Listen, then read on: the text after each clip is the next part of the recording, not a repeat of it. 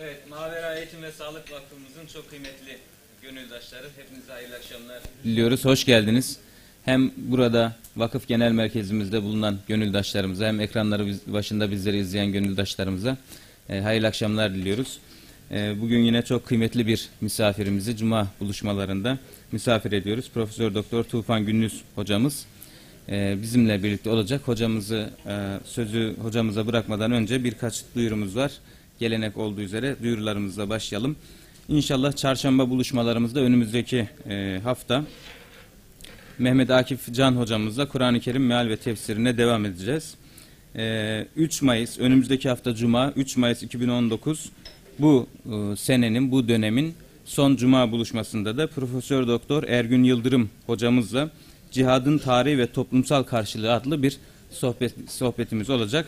Gönüldaşlarımıza e, ilan ediyoruz. Yarın Mavera Eğitim ve Sağlık Vakfımızın yine geleneksel bir programı Gençlik Zirvemiz var malumunuz. Bu yılki gençlik zirvemizi tutkunu kaybetme başlığıyla düzenliyoruz. E, iki oturumda gençlik zirvemizi yapacağız. Vakıf Genel Merkezimizde bu salonda olacak. Birinci oturumda AFAD Başkanımız Doktor Mehmet Güllüoğlu ve Beyaz Ay, Beyaz Ay Derneği Onursal Başkanı Lokman Ayva Bey'i misafir edeceğiz. İkinci oturumda da Türkiye'nin en genç milletvekili Rümeysa Kadak hanımefendi, e, Cincinnati Üniversitesi'nin en genç mezun olan İsmail Günaçar beyefendi ve Sen Yap Girişim Sermayesi İleri Teknoloji Yatırımları Genel Müdürü Ahmet Boğa beyefendi bizlerle birlikte olacak.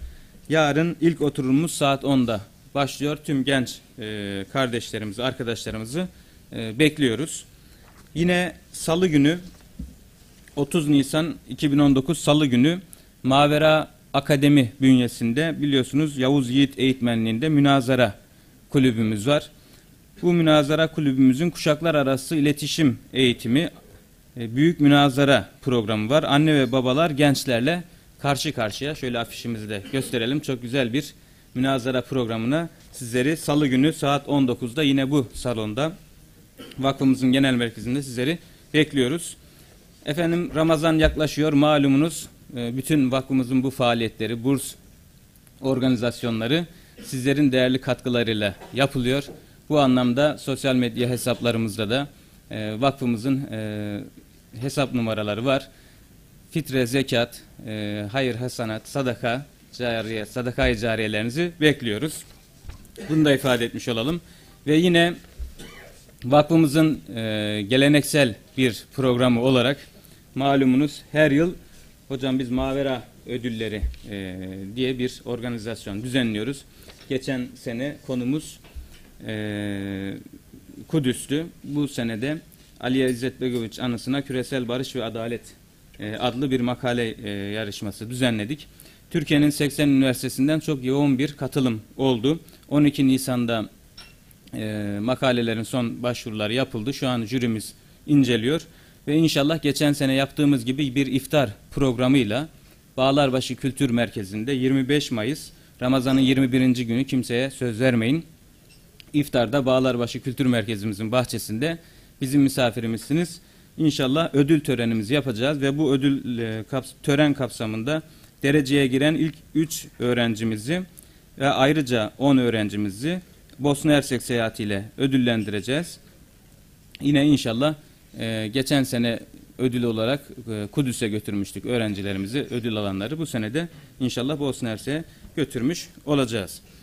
Değerli arkadaşlar, e, biz de katılabiliyoruz mu yarışmaya? E, hocam üniversite öğrencilerimize yönelik e, olduğu için e, Gerçi şu an katılamazsınız hocam. 12 Nisan'da sona erdiği için başvurular. Seneye ama inşallah bak- bekleriz hocam yeni konumuzda. E, çıkışta değerli arkadaşlar e, hocamızın Tarih Bizi Çağırıyor adlı kitabını e, buradan temin edebilirsiniz. Hocamıza imzalatabilirsiniz. E, çıkışta kitabımız e, talep edenler için hazır. E, hocamın kısaca bir e, özgeçmişini okuyup hemen sözü kendisine bırakacağım. Profesör Doktor Tufan Gündüz 11 Mayıs 1964 yılında Kayseri'nin Tomarza ilçesinde dünyaya geldi. Gazi Üniversitesi Eğitim Fakültesi Tarih Öğretmenliğinden 1987 senesinde mezun oldu. 1996 yılında Bozulus Türkmenleri 1540-1640 adlı teziyle doktorasını tamamladı. 2006 yılında doçent, 2011 yılında profesör oldu. Gündüz'ün Türkmenler hakkında pek çok akademik makalesi bulunmaktadır. Osmanlı Devleti ve Safeviler döneminde Türkmen aşiretleri üzerinde dönemler araştırmalar yapmıştır. Halen Gazi Üniversitesi Tarih Bölümünde öğretim üyesi olarak görev yapmaktadır. Ee, hocamız artık Hacet Tepe'de bilgiyi güncelleyelim. Ee, Fransızca ve, pardon Fars. Farsça ve İngilizce bilmektedir. 2018 yılında Halil İnalcık Tarih Ödülüne layık görülmüştür. Birçok televizyon programına konuk olarak katılmış olan hocamız TRT 1'de yayınlanan 3'te 3 programının da uzman danışmanıdır. Ee, hocamızın Anadolu'da Türkmen aşiretleri, 17. ve 18. yüzyılda Danışmentli Türkmen, Türkmenler, Son Kızılbaş Şah İsmail, Kızılbaşlar Tarihi, Kur'an ve Kılıç gibi e, kitapları bulunmaktadır. E, son kitabında zaten e, biraz önce takdik, takdim ettik ama hocam herhalde en son bu mu? sonu, evet. Evet. En son, sonun sonuncusu e, en taze olarak onun yolunda biz e, hocamızın en son kitabını da burada takdim etmiş bulunalım. Tekrar davetimize icabet ettiği için hocamıza, vakfımız adına teşekkür ediyor. Sözü hocamıza bırakıyoruz. Buyurun hocam. Sağ. Şunu alayım mı? Hocam yakar mikrofonunuzu. Ha, yaka mikrofonu. Ondan. Yani seste problem var mı? Yok. Tamam. Tamam. teşekkür ederim. Tomarzalı var mı içinizde? Bir kıpraşma oldu Tomarza'yı duyunca. Ben Ferah Mahallesi'nde hocam Kayserili Kayseri, hemşerileriniz var dedim Üsküdar'da da. Hocam o yüzden soruyor. Geçen eee, bir buçuk ay kadar önceydi galiba. Beni Fransa'ya davet ettiler. Eee, Fransa tabii Fransa deyince de yani Paris'e Maris'e gittiğimi zannetmeyin. Fransa'nın bir kasabasına çağırdılar beni yani. Orada bir Diyanet Derneği. Ben de etrafa hava atıyorum tabii ki. Fransa'ya gittim diye bunu vurguluyorum. Sonrasını anlatmıyorum. Gittiğim yer bir kasabaydı. Ee, önce Brüksel'e e, indik. Çünkü Belçika'ya yakın bir yerdeymiş. Oradan beni arabayla aldılar. Fransa'ya götürdüler. Ee, konuşmamızı yaptık. Geri döndük. Şimdi bu pasaport geçişlerinde en çok karşılaştığımız sorular ve verdiğimiz cevaplar genellikle şöyle. Niçin geldiniz diye sorarlar. Benim İngilizce e, biraz nefret ede ede öğrendiğim için çabuk unuttuğum bir dil. Önce Farsçayı öğrendim. Sonra e, Farsça bütün bildiğim her şeye ket vurdu. İngilizceyi zorla öğrendim yani. Bir sınavı geçmek amacıyla öğrendim. Bildiğimizi de unuttuk. Gençlere sakın öyle bir şey yapmayın. Hayatınızın hatasını yaparsınız. İngilizceyi güzelce öğrenin diyeyim bu arada. İşte niye geldiniz der. Ben işte for a conference derim. Ya, konferans için geldim. İşte e, kaç gün kalacaksınız? İşte e, iki gün. Ne zaman döneceksiniz? Two days later. Biletiniz yanınızda mı? İşte my bilet is e, ele- ele- electronics işte falan böyle bir şeyler. Dilimiz döndüğü kadar. Şimdi pasaport memuruna doğru ilerliyorum. Bir yandan da bana bunları soracak deyip kendi cevaplarımı hazırlıyorum kafamdan. Pasaportumu uzattım. Şimdi bekliyorum soruyu. Niçin geldiniz diye soracak. Ben de for a conference diyeceğim. For a conference two days later işte in France falan cevaplarım hazır. Tomarza nereye ya dedi adam.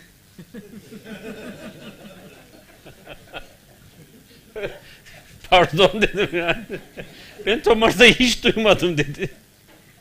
Dedim ki Kayseri'nin işte küçük bir ilçesi dedim. Buraya niye geldiniz dedi. Şeyde Fransa'da dedim bir konferansım var da buraya almışlar bileti dedim. Ne zaman döneceksiniz dedi. İşte iki gün sonra döneceğim dedim. Yürü vurdu geçtim. Sanki Türkiye'ye giriyormuşum gibi. Meğer Belçika'daki pasaport memuru olan polis Türk asıllıymış. Türkmüş orada o mevkiye. Efendim? Allah bilir yani. Allah bilir.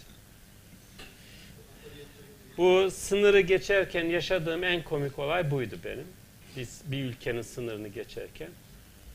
İngiltere gümrüğünde e, bir bir saat kadar ayakta tuttular beni. Çünkü İran'dan dönmüştüm. On- 11 Eylül olayları bir te- bir tesirini devam ettiriyor idi. 2004 yılında gitmiştim İngiltere'ye. Pasaportumda 50 tane İran mührü var. Adamlar bana niye geldin deyip duruyorlar buraya. O en çok zoruma gidenlerden biri oydu. Ama iki e, girişim var ki hakikaten çok yaralanmıştım, çok üzülmüştüm. Bunlardan biri Bosna Hersek yaptığım seyahatlerin birinde bu Allah İmanet Bosna diye kitap hazırlığına girişmiştim. Onun için sürekli Bosna arşivlerine gitmem gerekiyordu falan. Orada ilk defa, o zamana kadar çok giriş çıkış yapmıştım yani Bosna'ya. Bir yıl Bosna'da çalıştım çünkü. Niye geldiniz sorusu benim çok ağrıma gitmişti. Gümrük polisi. Onun için çok standart bir soru. Gelen herkese soruyor.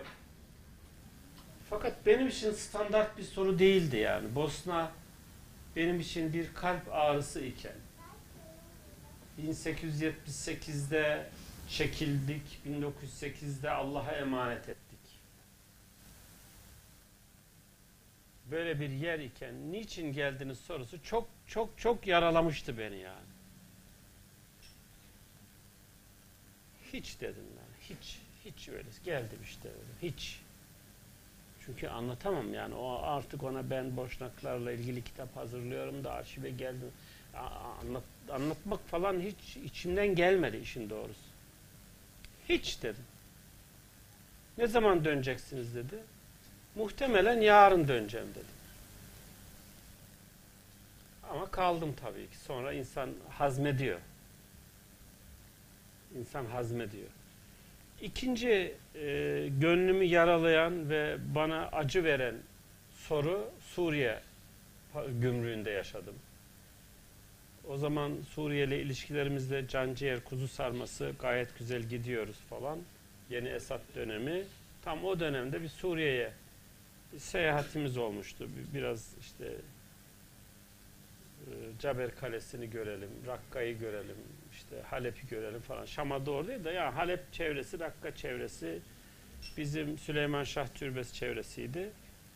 Onun niçin geldiğiniz sorusu benim çok kanıma dokunmuştu. Çünkü 19 Ekim 1921'de bu soruyu soramazdı bana. 19 Ekim 1921'de bana bu soruyu soramazdı.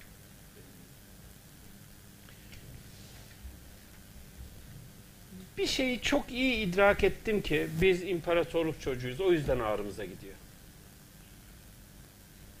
Ağrımıza gidiyor. Yani bu soruyu bana sorma. Ben zaten sana sahip çıkıyorum. Ben zaten burada senin için varım de hala kendimizi orada bir yerde görüyoruz.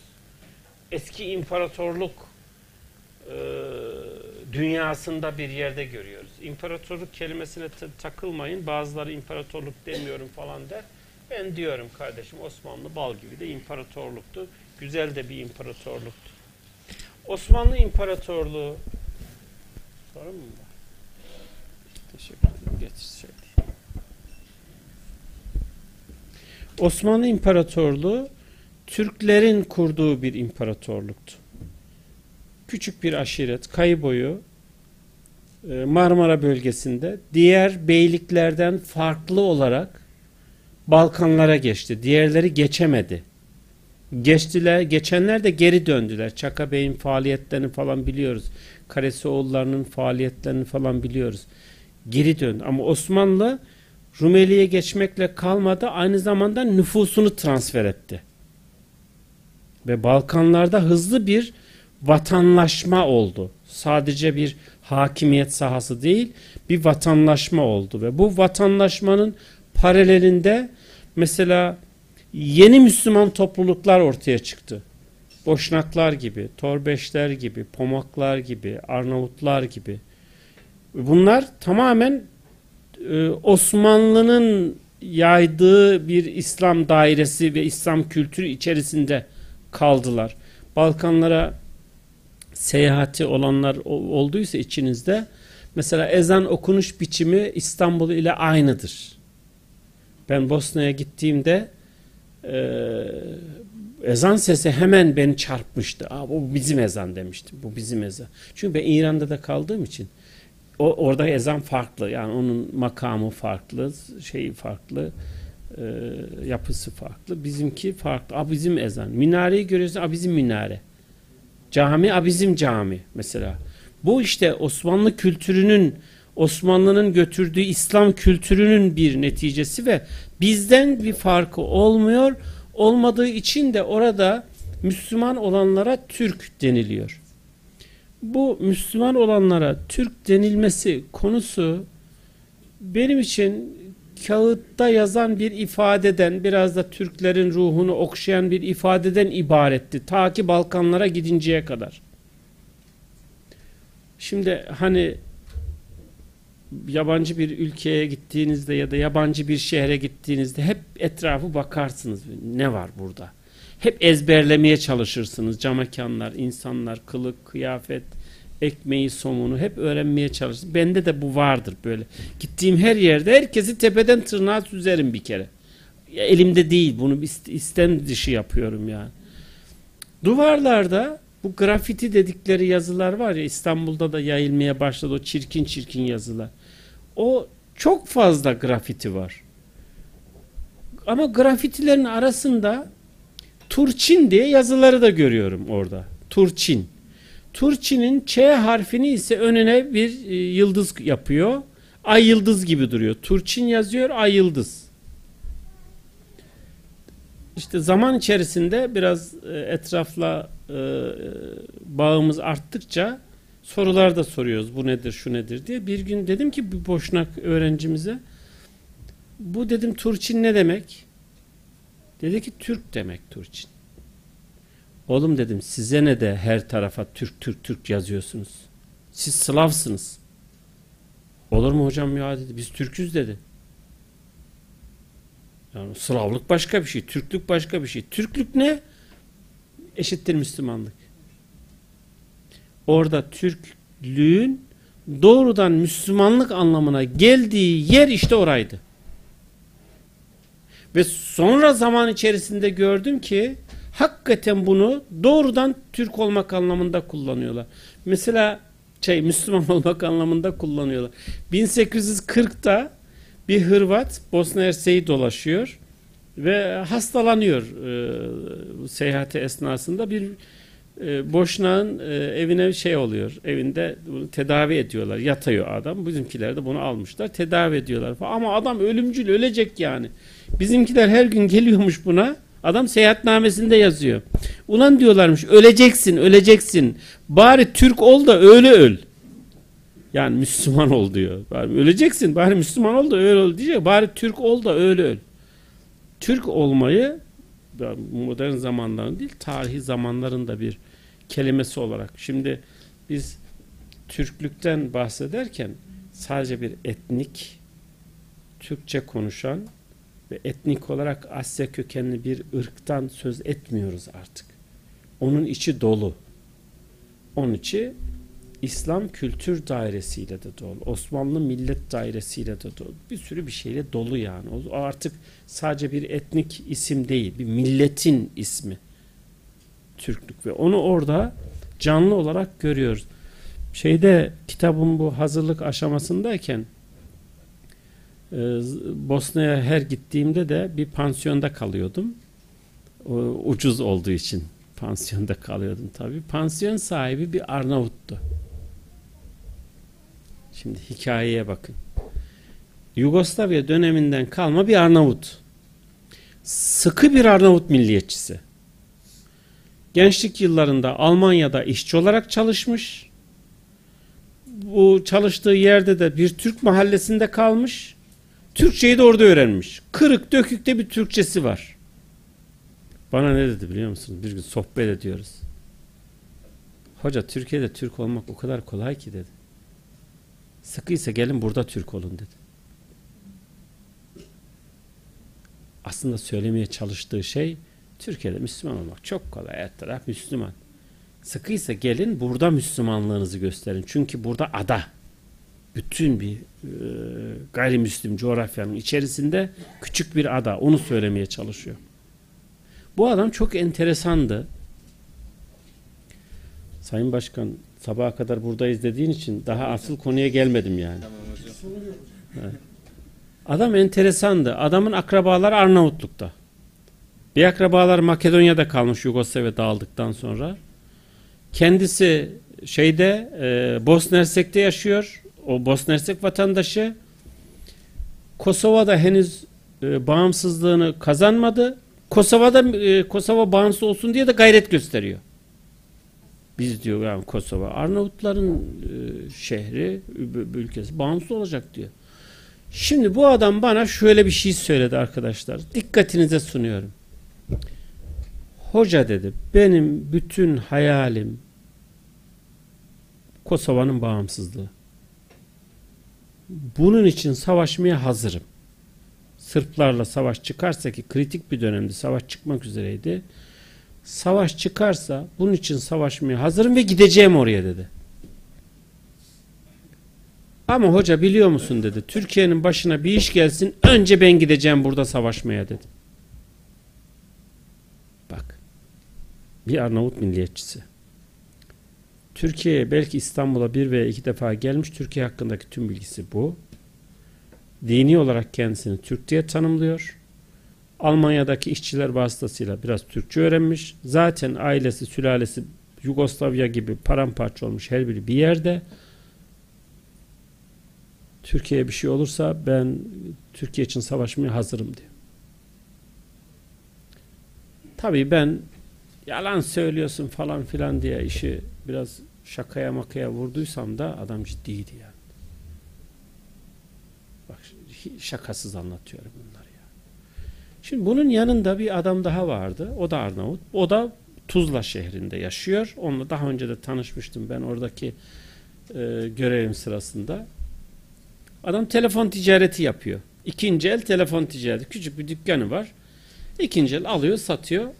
Ee, Türkçe biliyor diye de bizim onunla irtibatımız var. Çünkü Bosna'da bizim kaldığımız şehirde iki Türk idik. Bir arkadaşımla beraber. Türkçe bilen birini bulduğumuz zaman da hemen ona yapışıyorduk. Yani dil çekiyor tabii. Türkçe bilen biriydi ve bize yardım ediyordu. Sohbetimizin birinde bu arkadaş da var. Bu, bu yani e, Tuzla şehrinde olan diğer Arnavut arkadaş da var. Türkçesi iyi olan. Sohbet sırasında buna dedim ki siz dedim Türkiye'de mi okudunuz? Hayır dedi ben burada bu- burada okudum dedi. Peki dedim siz bu aksansız bir Türkçe konuşuyor. Pırıl pırıl bir İstanbul Türkçesi konuşuyor. E dedim siz bu Türkçeyi nerede öğrendiniz dedim. Biz dedi evde Türkçe konuşuruz dedi. La ilahe illallah. Anneniz mi Türk sizin dedim. Hayır dedi Arnavut. O zaman babaanneniz mi? Türk. Hayır biz Arnavut bir aileyiz.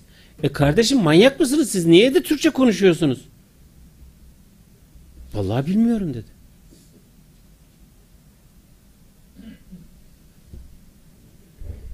Evinde aile Türkçe konuşuyor ve niçin Türkçe konuştuğunu bilmiyor. Niçinini ben biliyorum. Osmanlı kökleri olduğu için Türkçe konuşuyor. Çünkü Balkanlarda birinci dil Türkçeydi. Şimdi orada bu cevabı aldıktan sonra bilmiyorum ki cevabını aldıktan sonra aklıma gelen son soruyu sordum. Artık ben de bittim yani. Dedim ki ilk hangisini öğrendin? Önce mi Arnavutçayı öğrendin, önce mi Türkçeyi öğrendin? Çünkü ilk öğrenen yerleşiyor, öbürü kırık kalıyor. Vallahi bilmiyorum dedi. Hiç düşünmedim ilk hangi dili öğrendiğimi dedi. Şimdi Mehmet Akif Ersoy Arnavut kökenliydi biliyorsunuz değil mi? İlk hangi dili öğrendi Mehmet Akif Ersoy? Onun öyle bir problemi yoktu ki. Hiç öyle bir problemi yoktu ki. Yani ben bunu şimdi söylediğimde bile siz belki irite olmuşsunuzdur Mehmet Akif Ersoy için. İrite olmuşsunuzdur. Çünkü o kadar bizden ve o kadar bu kültürün içerisinde bir yerde duruyor ki e, bu Arnavuttur, bu Türktür demek garip kaçmaya başlıyor. Kültürü buradan anlarsanız eğer Osmanlı toplumunu buradan anlamaya başlarsanız eğer onlar biraz garip kaçmaya başlıyor. Onun için Mehmet Akif Ersoy da Arnavut diyen, diyenlere hep şunu soruyorum. Önce mi Türkçe öğrendi sonra mı Türkçe öğrendi? E ben bilmiyorum. O zaman sen bunu niye söylüyorsun ki yani? Yani Cat Stevens İngilizdi demek gibi bir şey yani. Cat Stevens İngiliz. O sonradan ne öğrendiyse sonradan öğrenmiş ya da bilmem kim işte. Yani şeye bu Balkanlara geçmek böyle tarihte anlattığımız kadar ufacık tefecik bir takım olaylarla biten bir mesele değil. Bak bir kültürle beraber geçiş başlıyor. Ve Balkanlarda aynı zamanda İslamlaşma başlıyor. 1363'ten sonra bir İslamlaşma sürecine de giriliyor. 1463 e, Bosna Hersey'in fethidir. Fatih Sultan Mehmet'in e, Bosna Hersek'e girişi şeyi fethetmeye başlamasıdır. Bosna'nın fethi 1520'lerde tamamlanıyor. Demek ki bir 60 yıl sürmüş Bosna'nın fethi. 1521 Belgrad'ın fethiyle de demek ki bunlar büyük, büyük ölçüde tamamlanıyor ve Boşnaklar Müslüman oluyorlar. Boşnakların Müslüman olması da Türkler geldi biz bu adamları sevdik hemen Müslüman olduk şeklinde bir Müslümanlaşma değil. Devlet kademesinde görev almaya başlamaları, Müslüman kültür dairesinin içerisine girmeye başlamaları zaman içerisinde bu süreç biraz hızlı tamamlanmıştır ama nüfusla da alakalıdır. Nüfus az olunca süreç daha hızlı tamamlanıyor. Tamamlanabilmiştir.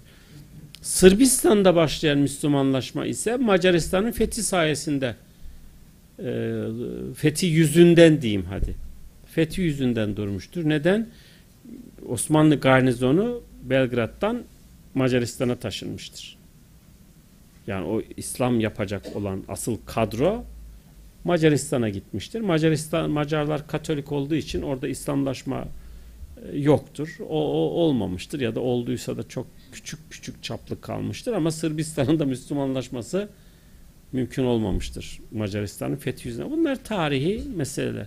Şimdi Bulgarlar Osmanlı hakimiyetine girdi. Sırplar, Yunanlılar Osmanlı hakimiyetine girdi. Boşnaklar Osmanlı hakimiyetine girdi. Küçük yerel topluluklar var. Sonra ileride Macarlar, biraz daha kuzeye doğru, kuzeybatıya doğru çıktığımız zaman e, işte Slavların e, Ukrayn kesimi, Belarus kesimi, Beyaz Rus kesimi, onlar işte Lehistan'ın bir bölümü, Romanya, Romenler Osmanlı hakimiyetine girmiştir. E, Moldovlar, e, Moldovanlar Osmanlı hakimiyetine girmiştir. Dolayısıyla Osmanlı toplumu Balkanlarda hızlı bir şekilde Osmanlı Devleti Balkanlarda hızlı bir şekilde ilerlerken aynı zamanda da etnik çeşitliliğe daha fazla etnik ve dini çeşitliliğe bürünmüştür. Doğuya doğru döndüğümüzde ise Osmanlıların Anadolu'yu e, ele geçirmeleri Balkanların fethinden daha zor olmuştur. Parça parça Balkanlarda parça parça giderken Anadolu'da derinlemesine gitmek durumundadır. Zorluğun birinci sebebi odur. İkincisi Osmanlı askeri gücü daha ziyade askeri politiği Balkanlara yönelik olduğu için Anadolu'da zayıf kalmıştır. Bunun birinci aşaması Yıldırım Bayezid'e kadar geçen süreçtir. İkinci aşaması ise Yavuz Sultan Selim'e kadar geçen süreçtir. Yani Osmanlılar Balkanlara 1353'te geçti. 1550'lere geldiğimizde artık Macaristan sınırına dayanmıştı. Ama Anadolu'da 1300'de Anadolu'da kurulmuş olmasına rağmen 1500'e geldiğinde 1518-1520'ye geldiğinde ancak ancak bu Anadolu'yu tamamlayabilmiştir Osmanlı. O Anadolu'daki direnişi kırmıştır. Şimdi durup dururken Konya'da niye direndi de Osmanlı olmadı ya da Kütahya niye direndi de Osmanlı olmadı diye sormuyoruz. E onlar hepsi kendisi bir bey olarak görüyor. Herkes kendisini bir sultan olarak görüyor. Bugün biz iki devlet bir millet diye konuşuyoruz. Bugünkü bilgimizle bunu konuşuyoruz. O, o dönemde böyle bir anlayış yoktu. Ama ne yaptı Osmanlı? Mesela e, 1514 Çaldıran Savaşı ve sonrasıyla Doğu Anadolu'yu hakimiyeti altına aldı. 1517, 1516 ve 1517 Mercidabuk ve Reydaniye savaşlarıyla Mısır'a kadar olan sahayı ele geçirdi. Artık sonra Kuzey Afrika'daki ilerleyiş ve Osmanlı'nın e, Müslüman tebaasının sayısı da arttı. İşte Araplar, Kürtler, e, yine Osmanlı zamanında büyük ölçüde Müslüman olan Çerkezler artık Osmanlı tebaası haline ama Müslüman ağırlıklı Müslüman teba haline geldi. Doğuda Safevi devletinin kurulmuş olması ve güçlü bir blok oluşturuyor olması Osmanlı'nın daha doğuya gitmesini engellemiştir. Bu izahı bunun da çok basittir. Ee, Çok karmaşık bir şey zannetmeyin lütfen. Osmanlı askeri politiğinde bir ülkeyi derinlemesine e, ele geçirme anlayışı yoktur. İki istisna vardır. Bütün Osmanlı seferleri içerisinde iki istisna vardır. Biri Mısır seferidir. Cebri yürüyüşle derinlemesine Memlük ülkesine girilmiştir ve Kahire'ye kadar ilerlemiştir. Kahire'yi ele geçirdikten sonra dönmüştür. İkincisi ikinci Viyana. Yani birinci ve ikinci Viyana kuşatmalarıdır. İlkinde de ikincisinde de başarısız olunmuştur. Derinlemesine bir yere gitmek, ele geçirmeye çalışmak. Çünkü yani yaklaşık 100-150 bin e, canlıyı mobilize ediyorsunuz. Hareket haline e, geçiriyorsunuz. Bunun iaşesi, ibadesi, yani yiyeceği, içeceği, giyeceği, transferi, silahı, bıçağı neyse artık bütün bunları gün gün tedarik etmek zorundasınız. Atının arpası, samanı, nalı, mıhı, çivisi, eğeri muazzam bir e, transfer hareketidir bu. E, bunun çok kuvvetli lojistik desteğe ihtiyacı vardır. Bu yüzden çok derinlemesine gitmez. İran'a bu yüzden derinlemesine girilmemiştir. Tebriz'e kadar gitmiş, geri dönmüştür mesela ordumuz. Çaldıran'dan sonra Tebriz'i almış, geri dönmüştür. Ama biraz sonra da Şah İsmail gelmiş, Tebriz'i geri almış. E, İran'ı o sırada fethedemez miydi? Edemezdi. Neden? E, 2000 kilometre doğu batı derinliği olan bir ülke. Zaten Çaldıran Savaşı'nda hani o meşhur hikaye vardır ya Yeniçeriler ayaklanmıştır Yavuz'un e, çadırına tüfek atmışlardır, ok atmışlardır diye. Niye? E çünkü savaşı Erzincan yakınlarında bir yerde olacak diye bekliyorlar Osmanlılar ama olmuyor savaş. E, Safevi'den de haberi yok. Nereden baskın yiyeceğiz diye beklemeye başlıyorlar. Tedirgin ediyor yani orduyu. Bu yüzden o derinlik yoktur. İşte Anadolu'da da bu söylemeye çalıştığım nokta buydu. Bu yüzden bütün Balkanlara küçük küçük ilerlemeler şeklindedir ya da bir fetih fırtınasına denk getirip Eflak'ı kat, Romanya'yı kat, işte Lehistan'ın bir toprağını kat, Macaristan'ın bir, to- bir toprağını kat hep böyle takip ede ede gider idi. O günlerde ortaya çıkan bir de deyim var idi ki ona da kızıl elma deniyordu. Kızıl elma şu bir sürü üstüne makale yazıldı, kitap yazıldı. Ee, çok söylenildi, yazıldı, çizildi. Kızıl elma açıkça ne biliyor musunuz? Güneş battığında e, oluştuğu kızıllık var ya. Elma elma topuna ondan başka bir şey değil kızıl elma. Somut olarak. Ama benim için yarın güneşin batışını, bu kızıl elma hikayesi üzerinden bir kez daha bakın. Güneşin battığı yerin altındaki ülke kızıl elma. Ordu kendisini o kadar güçlü hissediyor ki o kadar yenilmez görüyor ki güneşin battığı yer her nereyse onun altındaki ülkeye kadar gideriz biz. En uzak ufuk. Güneşin battığı yer en uzak ufuk. Biz köylü çocuğuyuz. Bizim köyün önünde büyük bir dağ vardı. Türbe, türbe derdik. O dağ tepesinde türbe olduğuna inanılırdı. Güneş onun arkasından batardı ve benim için ufuk o dağdan ibaretti. Sonra büyüyünce o dağın arkasına da geçince aa baktı ki güneş daha başka bir yerden batıyor. Hepimizin çocukluğunda böyle dünyaları olmuştur. Dünyanın ucunu tasvir ettiği, düşündüğü, güneşin battığı yeri merak edip gördüğü işte buradan bakınca güneş ne taraftan batıyor? Esenyurt tarafından falan mı batıyor? Nereden batıyor güneş? Ya bizde tabii karşı taraf. Karşı taraftan işte yani. Ya bildiğimiz yer diye şey yapayım söyleyeyim yani. Oradan batıyor. Ama sonra hayal dünyamız geliştikçe, bilgimiz, görgümüz geliştikçe bakıyoruz ki daha uzaktan, daha uzaktan. Demek ki ordu kendisini te oralara kadar gidecek kadar kendisini güçlü hissediyor. Kızıl Elma'ya dek gideriz. Kızıl Elma Osman Gazi döneminde Bursa'ydı. Bursa'yı almak onun en büyük hayali, en büyük Kızıl Elması. Sonra İstanbul oldu Kızıl Elma. Ayasofya Kızıl Elması. İstanbul alınacak ve Kızıl Elma'ya varılmış olacak. İstanbul da alındı. Baktılar ki başka bir yerden daha batıyor. Yani başka bir Kızıl Elma daha var. Roma Kızıl Elması, Beç Kızıl Elması, Viyana Kızıl Elması, Budin Kızıl Elması. Bizimkiler nereye alacaklarsa aha ora Kızıl Elmadır. Oraya kadar gideriz arkadaşlar. Benim yaşımda olanların ve gençlerimizin hepsinin arabası var. Bir yere gideceğiz dedi, denildiği zaman araba var ya. Yoksa taksi çağırırız gideriz diyoruz. Bizim için mesafeler çok kısaldı. Buradan yürüyerek karşıya gitmeyi kim göze alabilir? Ya da biraz da Edirne'ye yürü, yürüyerek gitmeyi göze alacak var mı yani? Gidiyoruz hadi Edirne'ye gidiyoruz. Yürüyerek gideceğiz. Atlarla gideceğiz. Daha me- mekanize olalım ya. Atlarla gidelim yani.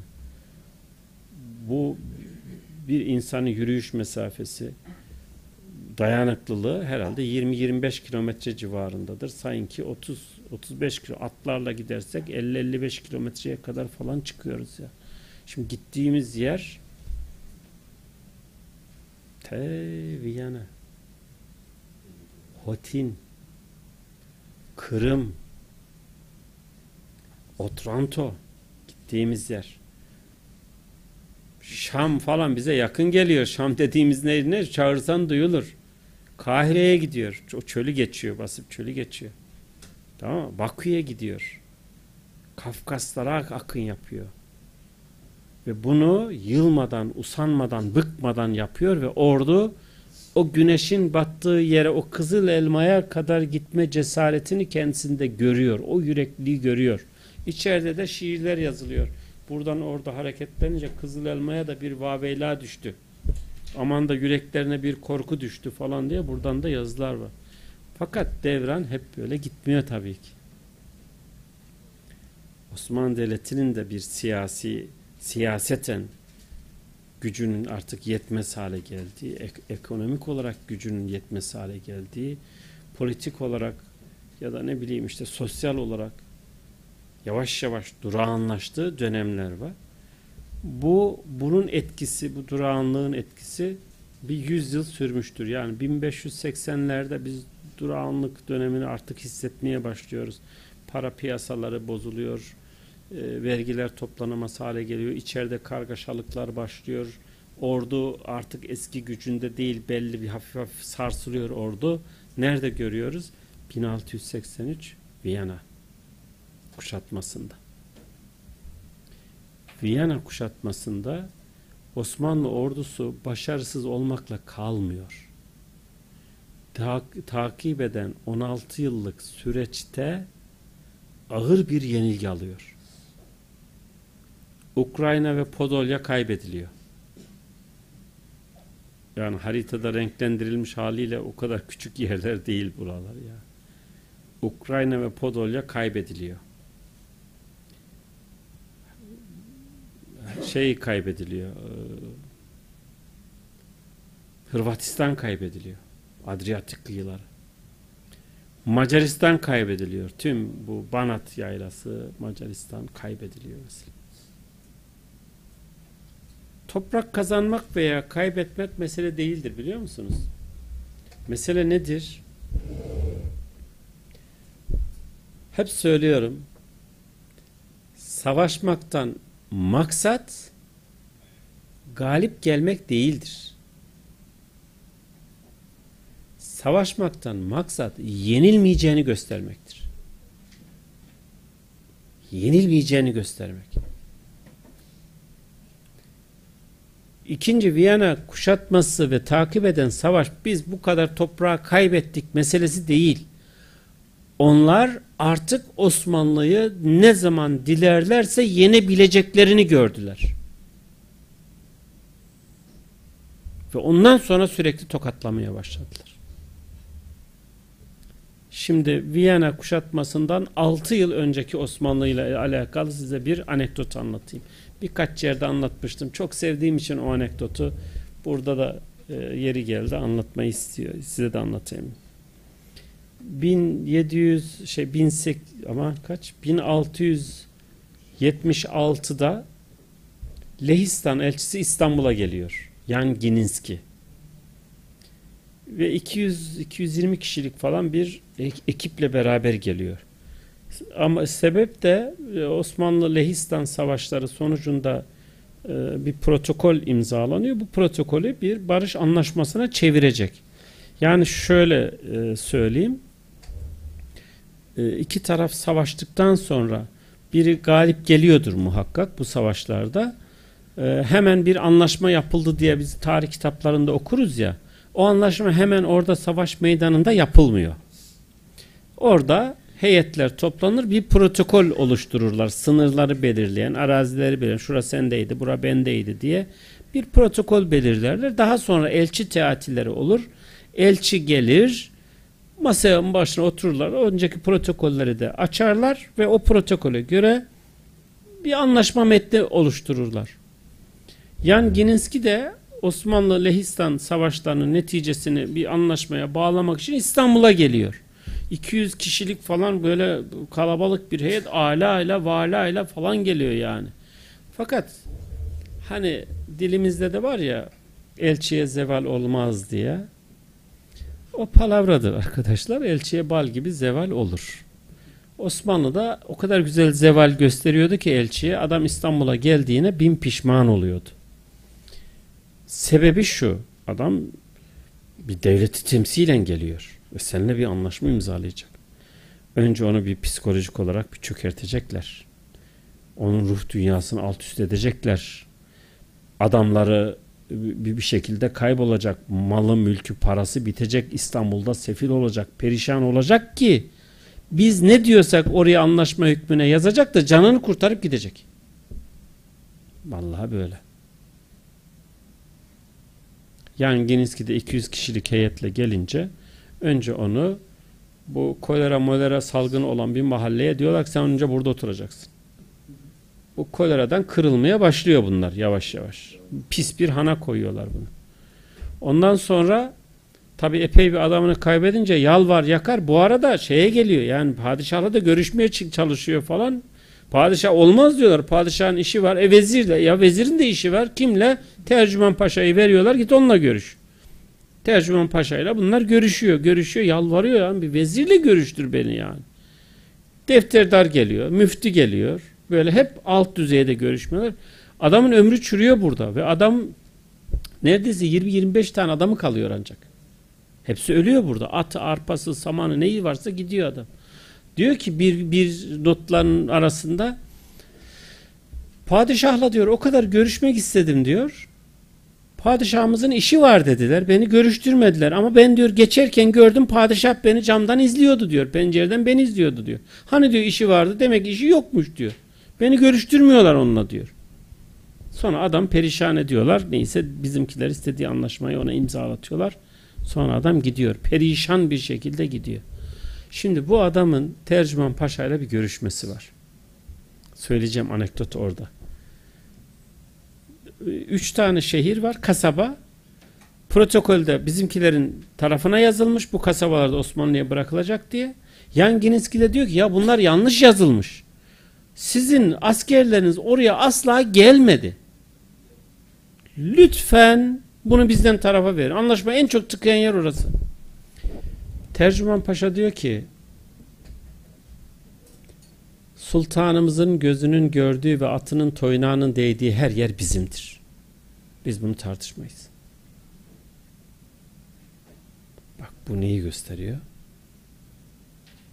Kendisini nerede görüyor? Sultanımızın gözünün gördüğü ve atının toynağının değdiği her yer bizimdir. Kızıl elma bile bunun yanında hafif kalıyor. Yeter ki göz görsün toynak değilsin ya. 7 yıl sonra Viyana Savaşı. Bak birinde asla beni yenemezsin gözüyle bakarken öbüründe artık geri çekilme başlıyor. Ne zamana kadar? Hocam beni sen durdurursun tamam mı? Ne zamana kadar? Sakarya Savaşı'na kadar. Biz de bazı hadiseleri küçümsemeyeceğiz yani. Biz doğruyu görmek zorundayız. Üçüncü Selim devleti toparlamaya çalışıyor. Orduyu toparlamaya çalışıyor. Nizami Cedid'i falan oluşturmaya çalışıyor. Başaramıyor. Yapmaya çalıştığı yenilgi hissini tatmamış yeni bir ordu kurmak. İkinci Mahmut kendi ordusunu topa tutuyor. Bedeli ne oldu? İşte Yunanistan'ın bağımsızlığı, Rusların bütün Kafkasları ele geçirmesi, Balkanlarda bir sürü toprak kaybı, kendi ordusunu yok etti ikinci Mahmut. Neden? Yenilgiyi tatmamış yeni bir ordu kurabilmek için. Sürekli geri çekiliyorsun ve geri çekilme başladığı andan itibaren şu da başlıyor. Hani az önce saydığım Osmanlı'nın dini çeşitliliği, etnik çeşitliliği var ya o zaman herkes kendini kurtarmaya bakıyor. Herkes Osmanlı'dan kopabileceğini ve yeni bir devlet kurabileceğini görmeye başlıyor. Ve önce Sırplar hafif kıpırdıyorlar. Osmanlı gidiyor Sırp isyanını bastırıyor. Belgrad'a giderseniz Çele Kule'yi gezdirirler size. Kelle Kule yani. Osmanlılar bu kadar Sırp'ı öldürdüler diye bir öldürdüler ve bir kule yaptılar diye gösterdikleri bir yer vardır. Çele Kule. Çele de kelle yani bizim Karadeniz gibi KÇ değişmesi yapıyorlar. Onlar da öyle. Ama Yunan isyanını engelleyemiyor Osmanlı. Fakat başka bir şey daha var. Bakın. Yunan isyanı sırasında ne kadar Müslümanın katledildiğine dair elimizde ciddi bir döküman yok. Daha doğrusu döküman var da söylem yok. Tripoliçe katliamında ya diyor ki şehre girdiğimden itibaren şehir meydanına gelinceye kadar atımın toynağı toprağa değmedi. Yani Müslüman cesetlerin üzerinde yürüdü atım. Bununla övünüyor. Tripoliçe'de, Girit'te, Mora'da, adalarda, başka şehirlerde, Navarin'de, İnebahtı'da ne kadar Türk'ün katledildiği konusunda bizim hiçbir şeyimiz yok. Tavrımız, görüşümüz yok. Ama şimdi Yunanlılar 1919'u e, Pontus katliamı yılı ilan ediyorlar. Ya 19 Mayıs 1919'u Pontus katliamının başladığı gün olarak ilan ediyorlar. Kutlama hazırlığı içerisindeler. Biz de burada hayır kardeşim ne Pontus'u diye biz de buradan bağırmaya başlıyoruz. Başlayacağız görün. Önümüzdeki ay bu başlayacak. Tamam mı? İşte Sayın Cumhurbaşkanımız geçen arşiv toplantısında dün müydü arşiv toplantısı? Dün, dün müydü? Evvelki gün evvelki gün e, hafiften anlattı. Biz de böyle şeyler yakıştıramazsınız bize falan diye anlattı ama yarın bir gün bu da çıkacak. Ama sen daha Tripoliçen hesabını sormadın yani. E sonra Macaristan kaybedildi diyoruz da mesela 40 katır 40 satır yapılmıştır orada. Müslüman köylere siz zaten eskiden Katoliktiniz ya Katolik olun ya da hepinizi katledeceğiz denilmiştir ve ne kadar köy haritadan silindi biz onu bilmiyoruz. Sırbistan'ın özellik döneminden itibaren bağımsızlığa kadar geçen sürecinde ne kadar boşnak ya da Müslüman Türk Sırbistan'dan kovalandı hesabı çetelesi tutulmamıştır onların. Ama bunlar tarihen var elimizde yani. Bunlar neler çektiği, nasıl bir sürgün yaşadıklarına dair var. Sonra Bulgaristan'dan, Doğu Rumeli'den ne kadar Türk'ün katledildiği yolunda elimizde hiçbir şey yok. Ancak kaçtı ancak geldik bu tarafa diyoruz yani. Ya belgeler var tabii ki de yani sizin söyleminiz yok, diliniz yok. Bunu bu zamana kadar hiç dillendirmemiş. Sanki suç işledik yani. Rumeli biz Osmanlı'nın ana vatanıydı kardeşim yani. Anadolu neyse Rumeli de oydu Osmanlı için. Ve hep öyle kalmıştır yani. Ama ne kadar köy haritadan silindi bunların şeyi yok. Çetelesini tutmadık biz yani. Pılıyı pırtıyı toplayıp geri Anadolu'ya canımızı nasıl attığımıza baktık tabii ki. Ve tabii Osmanlı'nın e, elinde kalan topraklar e, Rumeli ile e, Doğu Rumeli ile sınırlanınca ve e, Arap dünyasıyla e, sınırlanınca Osmanlı sınırlandığında daha doğrusu aslında Osmanlı kağıt üzerinde bitmiş bir devletti. Siyaseten varlığını devam ettiriyor. Bu başka bir şey benim söylemeye çalıştım. Siyaseten varlığını bir takım politik oyunlarla ya da işte devletler arası rekabetle devam ettiriyor. Ama arkadaşlar yol ağı rakiplerine göre sıfır noktasına gelmiş bir ülkeden bahsediyoruz. Hala kervan yollarıyla, hala patika yollarla ulaşımın sağlandığı bir ülkeden bahsediyoruz. Ve bu ülke meselenin farkında yani Osmanlı meselenin de büsbütün farkında değil demek çok yanlış olur. Günah yani. Hızlı bir şekilde demir yolu yatırımlarına girişiyor. Rumeli demir yollarına dünyanın parası döküldü. Elimizde 200 kilometre kaldı. Ve o parayı da biz takır takır ödedik kime ne yaptıysak. Hicaz demir yolları dünyanın parası döküldü. Elimizde hiçbir şey kalmadı. Devlet mücadele ediyor. Yapma, yapmaya çalışıyor yani. Mısır'da e, ilk demiryolu hattı kurulmuştur mesela. E, Mısır elden çıkmıştır. E, tabii nereden bakıyorsun diyecekler. Anadolu'dan bakınca. Ama İstanbul'dan, payitahttan bakınca şöyle bir yere yatırım yapmış ama kaybetmiş. Elimizdeki demir yollarına bakıyoruz. İzmir, Kasaba, Manisa, İzmir, Aydın demiryolu hattı. Ankara, İstanbul'dan işte Ankara'ya kadar uzanan bir demiryolu hattı. Yarım yamalak e, güneyde e, Adana'dan Antep'e doğru uzanan bir demiryolu hattı. Yarım yamalak şeyler var. Yani yol ağı bitik durumda. Ya karşılaştırma için söyleyeyim ben size. Cumhuriyet kurulduğunda yol ağımız 14 bin kilometre. Şey 18 bin kilometre. Karayolu ağımız. 18 bin kilometre. 14 bini toprak yol. 14 bin kilometre toprak yol. 4 bin kilometre de şose, stabilize yol. Şimdi gençler bilmezler şoseyi, toprak yolu yani. Ya toprak yol bir kanı, tekeri izinin oluşturduğu ve yüzyıllar içerisinde kullanılan yol. Daha onun moderni at arabası izidir yani. O kadar. Dedem bir dedem bir başka dede, yani anne tarafından dedem yol ihalesi alırmış. Baba tarafından dedem de onun taşeronluğunu yaparmış. Yol yaparmış ona. Ee, işte çalıştırıyorlar köy yolunu yapıyorlar. Köyü kasabaya bağlayacak yolu. Dedem müteahhit olan dedem dermiş ki yahu İsmail Efendi bu yol sanki çok dar oldu. Biraz genişletsek şu yolu. Öbür dedem de itiraz edermiş. Hasan Efendi vallahi buradan cip bile geçer dermiş. Jip o dönemin jiplerini bilirsiniz ya şu kadarcık bir şeydir o dönemin jipleri de yani.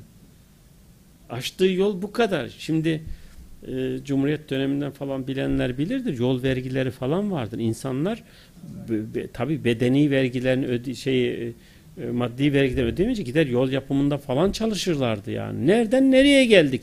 Bugün yolumuz asfalt niye asfalt değil diye bas bas bağırıyoruz. Şehirlerimiz niye duble yola geçmedik diye bas bas bağırıyor. İşte mukayese edince daha iyi anlaşılıyor. Ama buradan bakınca anlaşılmaz ha, onu söyleyeyim. O başka bir dünyaydı. Osmanlı'nın mesela en büyük problemi güçlü sermaye birikimleri oluşmuyordu Osmanlı'da. Güçlü sermaye birikimleri oluşmadığı için de bu paralar sanayileşmeye yansımıyordu, dönüşmüyordu. Bizim tüccarımız, sanayici şeyimiz, esnafımız hep küçük esnaf, küçük tüccar şeklinde kalmıştır. Mukayese için e, çok bildik bir yerden örnek vermek istiyorum. E, Nikola Tesla e, bugünlerde de adını çok du- duyuyorsunuz. E, benim hayranı olduğum bir bilim adamı Nikola Tesla. 1896'da ya da 95-96 ya bu tarihlerin birinde sanırım 96'da e, alternatif akım patentini alternatif akımla ilgili buluşunun patentini Westinghouse şirketine 1 milyon dolara satmıştır. 1 milyon dolar. Yani şimdi bu işleri bilenler varsa ukalalık etmeyeyim. Daha e- elektrik ilk çıktığında düz akım de- denilen bir sistemle çalışıyor.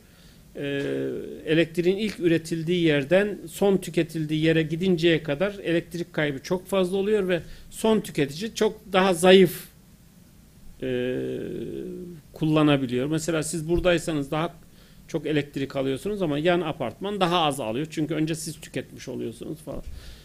Bugünkü sistem ise alternatif akım sistemi. Burada ışık neyse, elektrik neyse yanda da orada da o. Her tarafa aynı sistemle dağıtıyor. Nikola Tesla'nın e, şeyidir bu, buluşudur. E, bunun patentine bir şirket 1 milyon dolar para veriyor. Ve o şirket e, Chicago'nun elektrik dağıtım ihalesine giriyor ve kazanıyor. Dağıt, yani dağıtımı da üstlenmiş oluyor. O da 1 milyon dolarını bilmem kaç milyon dolar olarak döndürüyor. Aynı tarihlerde bizde ise Balkanlardan gelen göçmenleri Anadolu'ya nasıl sevk edeceğiz derdiyle uğraşıyoruz. Para yok çünkü devlette para yok. Para olmadığı için de bizde göçmen kümeleri hep nerededir? Marmara Havzası'ndadır. Niye? E, transfer edemiyor ki daha içerilere. Gelen takılmış oraya, gelen takılmış oraya. Sanırsınız ki bilinçli olarak Marmara'ya yerleştirilmiş sanırsınız yani. Hiç öyle bir şey yok. Bazı e, Türkiye ve Türk düşmanı yazarlar e, Ermeni tehcirini Balkanlardan gelen göçe bağlıyorlar. Ve diyorlar ki bunları kovaladılar Anadolu'dan yerine Balkanlardan adamları getirdiler yerleştirdiler diyor. Bire dinsiz imansız Marmara bölgesinde kaç hane Ermeni vardı? Ben de çalıştım göçmenler şey üzerine, boşnak göçmenleri üzerine çalıştım. Nerelere yerleştirdiklerini tespit ettim. Neredeyse tamamına yakınına yeni araziler verilmiştir. Tamamına yeni arazi. Kendisi açıyor arazi. Kendisi yapıyor evini yani. En yoğun olduğu Ermenilerin en yoğun olduğu bölge e, Doğu Anadolu'dur. Doğu Anadolu. Orta Anadolu'da Kayseri'de biraz yoğunluk vardır. Maraş'ta biraz yoğunluk vardır. Kaç tane muhacir köyü sayarsınız ki yani? Balkanlardan gelmiş de Diyarbakır'ın bilmem hangi köyüne yerleşmiş. Kaç tane sayarsınız ki yani? Kayseri'nin hangi mahallesinden kaç tane sayarsınız? Yani biri bir laf ediyor da bizim bizi de saf zannediyorlar yani. Bunları hemen kabul edeceğimizi falan zannediyorlar yani. Neyse onu ayrıca gene söylerim yani. Şey diyorum bu e, sermaye birikim olmadığı için başımıza gelen meseleleri bir mukayese etmek için söylüyorum. Şimdi bir tarafta bir şirket öbür şirketle rekabete girişiyor. Edison'un şirketiyle 1 milyon dolar alternatif akıma tak parayı sayıyor. Sen bu tarafta göçmeni bu tarafa aktaramıyorsun. Ya da doğru yerden yaklaşalım meseleye. Sende patent üretimi sıfır. Patent üretimi sıfır. E sende patent üretimi sıfır olursa ancak siyasette nereye kadar tutabildiğini tutacaksın. Sonra hakkına razı geleceksin. Türkiye siyasetle tutulabildiği kadar tutulmuştur. Birinci Dünya Balkan Savaşı'na girdik. Birinci Dünya Savaşı'na girdik. E, yenilgi kaçınılmaz yani. Niye kaçınılmaz yenilgi? Çünkü e, silah sanayin sıfır. Almanlardan aldığımız silahlarla savaşmak zorundayız. Müttefikimiz Almanlar, İngilizler müttefikimiz olsaydı onlardan aldığımız savaş silahlarla savaşacaktık. Çok karmaşık bir matematiğe gerek yok yani. E girmesi girmesek miydi Birinci Dünya Savaşı'na? O da öyle mümkün değil kusura bakmayın. Yani Suriye Savaşı'na biz teorik olarak girmedik.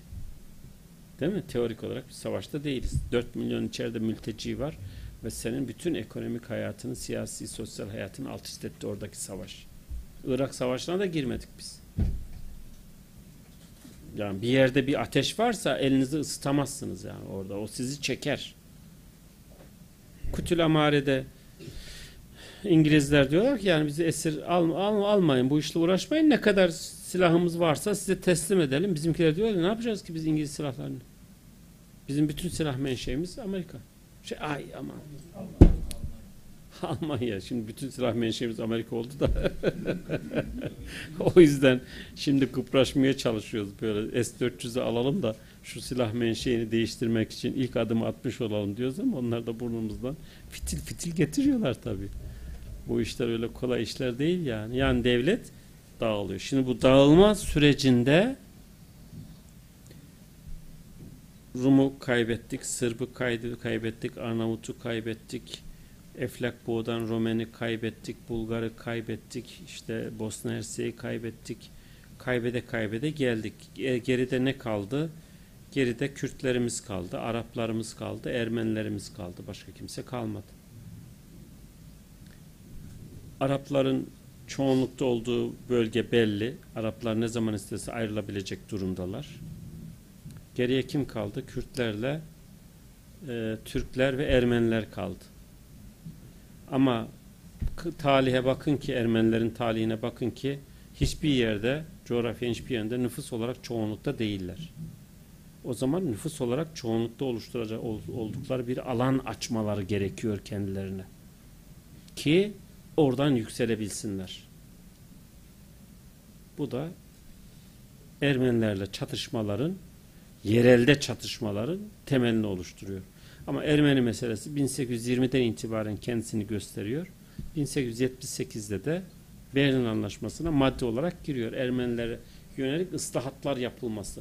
Ermenilere yönelik bu ıslahatlar dediğimizde biraz daha demokratik haklarının, dini haklarının, sosyal haklarının genişletilmesi söz konusu. Fakat elde artık azınlık kalmadığı için mevcut azınlıklar hep bu yolla ayrıldığı için Osmanlı bu konuda biraz daha titiz. Ayak sürümüştür Osmanlı. Yani Berlin Anlaşması'nda verdiği sözü yerine getirme konusunda Osmanlı ayak sürümüştür. Bu da Ermenilerin yavaş yavaş teröre bulaşmalarına, tedhişe bulaşmalarına, işte padişaha karşı suikast düzenleyecek kadar gemiyi azıya almalarına yol açmıştır. Kavga Sırbistan'da yaşanan bir kavga gibi olsa Sırplar orada çoğunluktaydı. Yunanlılar bütün Türkleri temizledikten sonra ancak toparlanabilmişlerdir. Yani Türksüz bir Yunanistan, Türksüz bir Bulgaristan, Türksüz bir e, Sırbistan kolay kurulmuştur. Ama e, şimdi Türksüz bir Ermenistan, Müslümansız, Kürtsüz bir Ermenistan biraz zor. Bu da işi çatışma noktasına getiriyor tabii ki.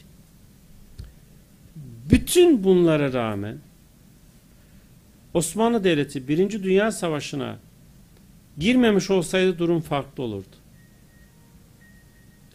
Birinci Dünya Savaşı'nın arefesinde artık Ermeniler için ıslahat yapıldı mı yapılmadı mı diye müfettişlerin Anadolu'ya gelmeye başladıkları bir dönemdir. İşin başka bir yere doğru kaymaya başladığı bir dönemdir o. Adeta Osmanlı Devleti savaşa girerek bu müfettişlerin falan yolunu kesmeye çalışmıştır. Bakın bütün bunlar vardır yani tek sebep bu değil bütün bunlar vardır. Buna rağmen bu müfettişlerin Ermenilerle ilgili ıslahatlar yapıldı mı yapılmadı, yapılmadı mı diye tetkik gezilerine başladığı bir döneme denk gelmiştir. Ve Ruslar da fiilen artık Ermenistan'la ilgili meseleyi çözme konusunda yola çıkmıştır. Bu dönemde biz Birinci Dünya Savaşı'na giriyoruz. Buna rağmen mesela Yunan isyanından kaynaklanan e, Rumların tasfiyesi, devlet kademelerindeki bazı Rumların tasfiyesinden kaynaklanan boşluğu Ermeniler doldurmuştur. Devlet hala imparatorluktur. Devletin en güvenilir tercümanları Ermenidir mesela. Daha önce Rum'du. E, devletin en önemli mimarları, sanatçıları Ermenidir mesela. Abdülhamid'in fotoğrafçıları Ermenidir. İşte ne bileyim Dolmabahçe Sarayı'nın mimarları Ermenidir mesela. Yani devlet Ermenilere öyle öcü gibi falan da bakmıyordur. Bakmıyor yani. Çünkü o devlet o imparatorluk tebaasına öyle bakar. İmparatorlukların tebaasına bir bakışı vardır. Bazı ben tasvip etmiyorum da yani ee, Osmanlılar Türklere kötü bakıyordu bilmem dönmeye getirdi devşirmeye saçma sapan hikayeler anlatanlar vardır etrafımızda. O imparatorluk ruhunu anlamamışsın ki diyorum ben ona yani. Anlamadığın için ne konuştuğunu bilmiyorsun sen. İmparatorluk herkese eşit bakar. Ön, önemli olan onun için hukukun işletilmesidir. Hikayesi onun uzun. Soru cevap kısmında gene konuşuruz onları. 10 dakikamız var hocam.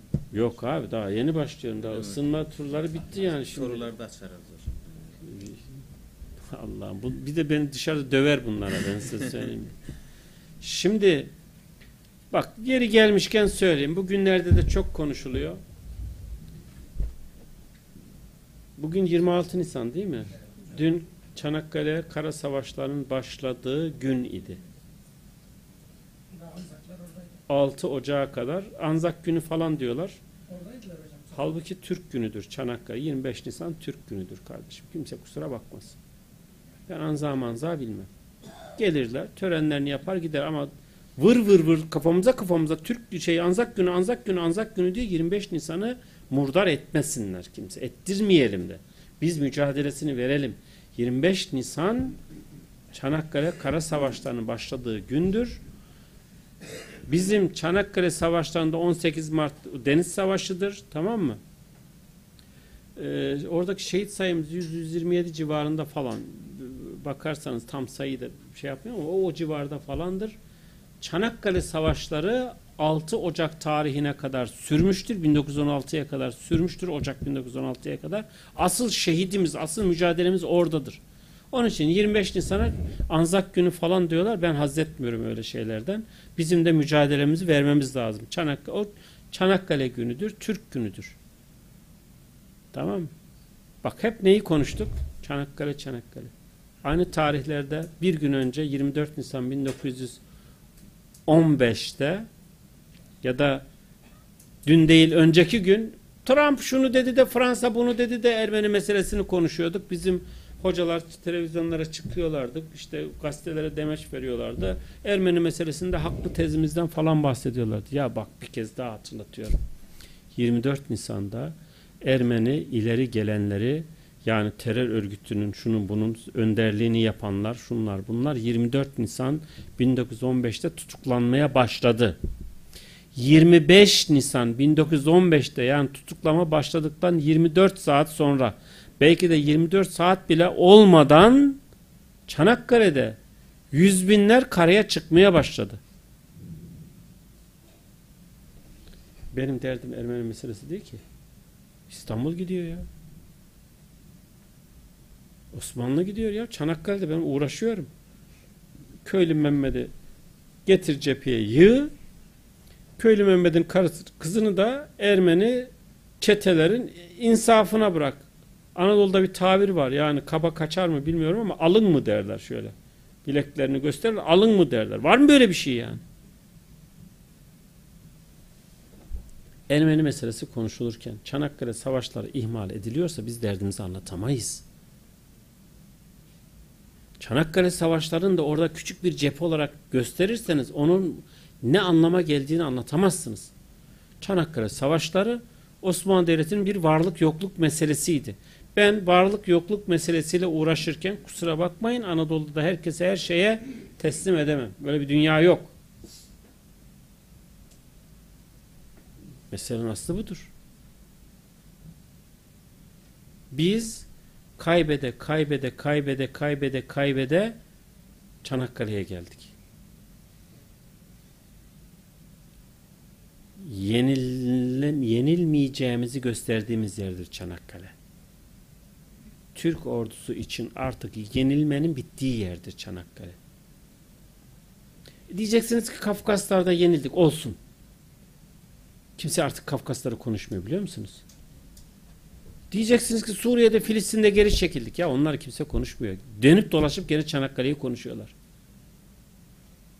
Çünkü ne o muradına alabildi ne de ben ona bu tadı verdim. Asıl mesele Çanakkale'dir. Kimse kusura bakmasın.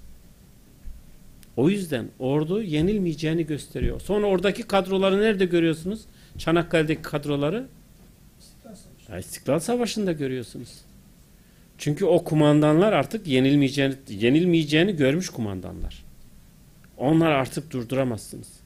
Bizim için 5 dakika daha var. Politik olarak soruyorum. Bakın Çanakkale tek başına bir mesele olarak düşünülmemeli. Bir savaş kazandık, öldük mü öldük diye e, düşünülmemeli. Çanakkale Osmanlı için bir varlık yokluk savaşıydı ve Osmanlı ordusu 1683'teki geri çekilmesinde ve yenilebilir artık Osmanlı anlayışın Çanakkale'de hayır. Yenilmeyeceğimizi gösterdiğimiz şeydir. Savaştır. Oraya gelmiştir. İki, çok önemli, çok önemli bir mesele daha vardır. Sevr Anlaşması. Sevr Anlaşması Osmanlı Devleti'nin tam anlamıyla tasfiye eden, Türklere Konya ve civarında azıcık toprak bırakan, e, Akdeniz'de bağını koparıp Karadeniz tarafına hapseden bir anlaşmadır. Sevr'in haritasına bir kez daha bakın. Sevr Anlaşması bizi bitiren bir anlaşmadır. Çünkü Sevr Anlaşması Batılıların Türk tarihiyle hesaplaşması anlaşmasıdır. Türk tarihiyle hesaplaşmak, Türklerle hesaplaşmak değil. Bunu bak bunlar bizim doğru yerlerden anlamamız gerekiyor. Bizimle hesaplaşsa ne, hesaplaşmasa ne? Ama tarihimizle hesaplaştığı zaman onun bedelini benim üstüme yüklediği zaman o mutlu olacak ve benim elimi kolumu bağlayıp koyacak. Bu Türk tarihiyle hesaplaşma mücadelesinin örneği Ermeni meselesi. Devam ediyor. Orada amaç Ermeniye işte bir buçuk milyon Ermeniye orada toprak sağlayalım bilmem ne falan değil. Hesaplaşmak, bunun hesabını sormak. Bu 600 yıllık Osmanlı tarihinin hesabını ödetmek. Sevr Anlaşması bizim için korkuda son sınırdır. Hani böyle korkarsın mesela şimdi sizden korkuyorum şey bir konuyu bitirecek falan. Yani korkarsınız, korkarsınız, korkarsınız ama korkuda artık bir sınır vardır. Yani sonra korku biter. Artık bıçak kemiğe dayanmıştır yani ve sizin için korku kalmamıştır. Çünkü daha fazla ne kadar korkacağınızı siz kestiremezsiniz. Sevr Anlaşması bizim için odur. Bizi bitirecekler, bizi bitirecekler, bizi bitirecekler. İşte önümüze tak sevgi. Ha tamam buymuş demek ki. Onun için İstiklal Marşı korkma diye başlıyor. İstiklal Marşı. Ayet-i kerimedir biliyorsunuz. Korkma. Allah bizimle beraber. Yok korkma. Üstün olan sensin. Korkma üstün olan sensin. Korkma ayetiyle başlar. Ve Tarık suresiyle de devam eder. Birinci kıta korkma diye başlar. O Tarık suresi de o parlayıp giden yıldızı bilir misin diye devam eden Tarık suresi devam eder. O benim yıldızımdır parlayacak dedi. O Tarık suresidir. Bir daha bakın benim için. Tamam mı?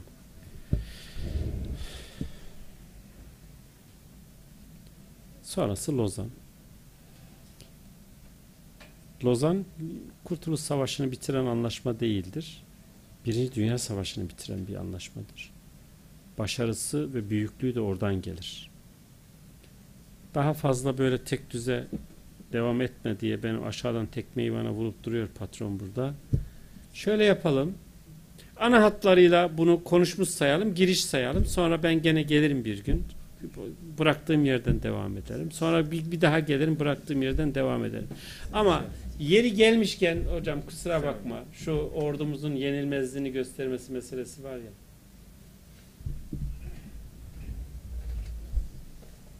...1974 Kıbrıs Barış Harekatı... ...Viyana'dan beri geri çekilen Türk ordusunun ilk sınır ötesi harekatıdır. Küçük bir harekat değildir. Tamam mı? Bak 74. Elbap harekatı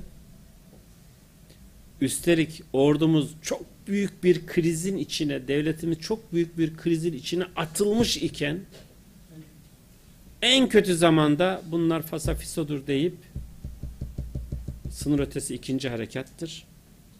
Afrin sınır ötesi üçüncü harekattır. Ve, ve Türk ordusu neyi göstermiştir biliyor musunuz? Asla yenilmeyeceğimiz. Ve bizi yenemeyecekler. Bugünkü bütün siyasi kavgalar da bu yenmek üzerine devam ediyor arkadaşlar. Tamam bu kadar yeter. Bana bir sıcak çay lütfen. Ben sıcak çayım içerken siz de Evet. Hocamıza ganimet sayın. Ne varsa sorun bak giderim bir daha gelmem. Tamam mı? Yok söz verdiniz ya hocam yani. tekrar gelirim, tekrar Evet. gelirim dediniz ya hocam. E, hocamıza çok teşekkür ediyoruz. E, şimdi e, hocamızın sunumuyla ilgili olan bölüm sona erdi. E, sorusu olan arkadaşlarımızın sorularını alıp daha sonra inşallah programımızı nihayete e, erdirmiş olacağız. İlk Ama öncelikle e, gençlere soru şey versin. Bak burada parlak parlak çocuklar var. Pırıl pırıl maşallah. hocam Bak, onlar Gözlüklü çocuklar var. Gözlüklüler zeki olur. Bunu biliyorsun değil mi? Gözlükler zeki olur. Gençlerin- Bir şöyle gözlüğümü gösteriyorum yani. heyecanını açmak için önce bir e, Evet. abimizden bir Buyurun. soru alalım hocam. Buyurun. Sonra talep olana göre devam edelim. Buyurun. Hocam çok teşekkür ediyoruz. Ee, sunumunuz gerçekten çok güzeldi. Çok istifade ettik. Kızıl elma ile ilgili bir soru sormak istiyorum. İmparatorluğun e, sınırlarının aslında e, sınırların ufkunu çizen bir kavrammış gibi geliyor bana anlattığınızdan. Şimdi imparatorluğun sınırları küçülünce e, bizim Kızıl elmamız ne kadar küçüldü hocam? Bak şimdi. Efendim?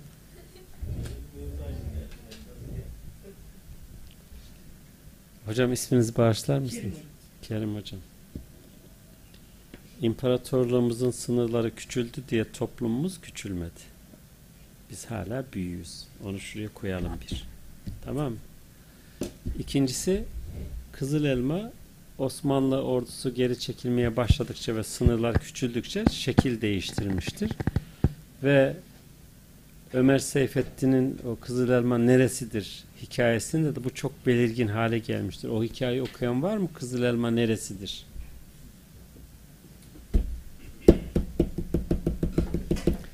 Benim hatırıma bugün akşam onu okuyup öyle yattım. Kızlar oturuyorduk. Nereye gidiyorsunuz? Daha yeni başladık ya. Servis mi gidiyor? Tamam. Sorular başlayınca biz yavaşça kaçalım yaptınız değil mi? Doğru ya. Bu akşam bu saatte de yani bayağı da geç olmuş ya. Sizin eviniz barkınız yok mu kardeşim? Sosyal medyadan da sorular alabiliriz. Alırız her şeyi alırız. Her şeyi açız. Bunu bugünün fırsatı ganimet sayalım. Ben de hazır İstanbul'a gelmişken sizin gibi böyle e, kıymetli dinleyiciler bulmuşken, şu ortam bulmuşken ben de tadını çıkarayım. Benim açımdan da önemli. Kızıl Elma neresidir? Bugün benim için okuyun. Ömer Seyfettin o hikayesinde padişahı tasvir eder. Padişah sokaktan Kızıl Elma'ya, Kızıl Elma'ya seslerini duyar ama Kızıl Elma'yı unutmuştur. Neresi olduğunu bilmez Kızıl Elma'nın. Vezirlerini, bilginlerini, alimlerini çağırır. Hepsine sorar ama hepsi unutmuştur. Nihayet sokaktan iki kişiyi çağırırlar. Derler ki bu Kızıl Elma neresi? Siz ne demek istiyorsunuz? O asker de der ki Kızıl Elma padişahımızın bizi götüreceği yerdir. Meşrutiyet dönemi bir hikayesi olduğu için Ömer Seyfettin orada Kızıl Elma'yı yani biraz meşrutiyete geçiş, devletin modernleşmesi falan gibi yani bunda ancak padişah eliyle yapılacak bir yer gibi tarif etmeye çalışmıştır. Ziya Gökalp Kızıl Elma'yı köklere dönmek olarak anlatmıştır o meşhur Kızıl Elma şiirinde. Ee, artık biz bittik, tükendik, nüfus olarak da tükendik. Hakikaten öyleyiz ama yani onu da söyleyelim. Biz yeniden Asya'daki köklerimize dönelim, tabandan yeniden yükselelim. Bunu söylemeye çalışmıştır. Yahya Kemal de Mehlika Sultan'a aşık yedi genç şiirinde açıkça Kızıl Elma'dan bahsetmez ama bir hayalin peşinde koşmanın bir nesli nasıl yok ettiğini anlatmaya çalışır. Fakat zirve neresidir biliyor musunuz? Yahya Kemal'in Süleymaniye'de bayram sabahı şiiridir. Onu okumuşsunuzdur değil mi? Süleymaniye'de bayram sabahı şiirinin bir yerinde şiiri şöyle tamamlar. Ee, Daha doğrusu şöyle başlar şiirine. Ee, Süleymaniye'ye namaz kılmaya gitmiştir. Ve bu namaz esnasında insanların oraya kalabalıklar halinde toplanışını görür ve şiire oradan başlar. Aslında o kalabalıklar halinde camiye toplanmak, o caminin mistik havasını koklamaları, bayram sabahı orada olmaları yeni devletin nasıl kurulduğunu anlatıyor orada. Nasıl kurulduğunu anlatıyor. Ama bir hayal dünyası içinde anlatır. Mesela birdenbire tarihin içine döner, tarihe döner. E, gökte bu top sesleri nereden geliyor? Barbaros belki bir seferden geliyor diye bir hayalin içine girer ama o denizcileri yeni doğmuş aya baktıkları yerden geliyor diye de tamamlar. Yeni doğmuş aya bakmak. Kızıl elmaya bakmak gibi. Ya bizim ecdat bak o yeni doğmuş aya baktılar yani. Bugün devletimiz küçüldü ya. Ufkumuz ufkumuz çok küçülmedi esasında. Tamam mı? Ve sonra onu tamamlar. Der ki bunlar arasında ben birini gördüm.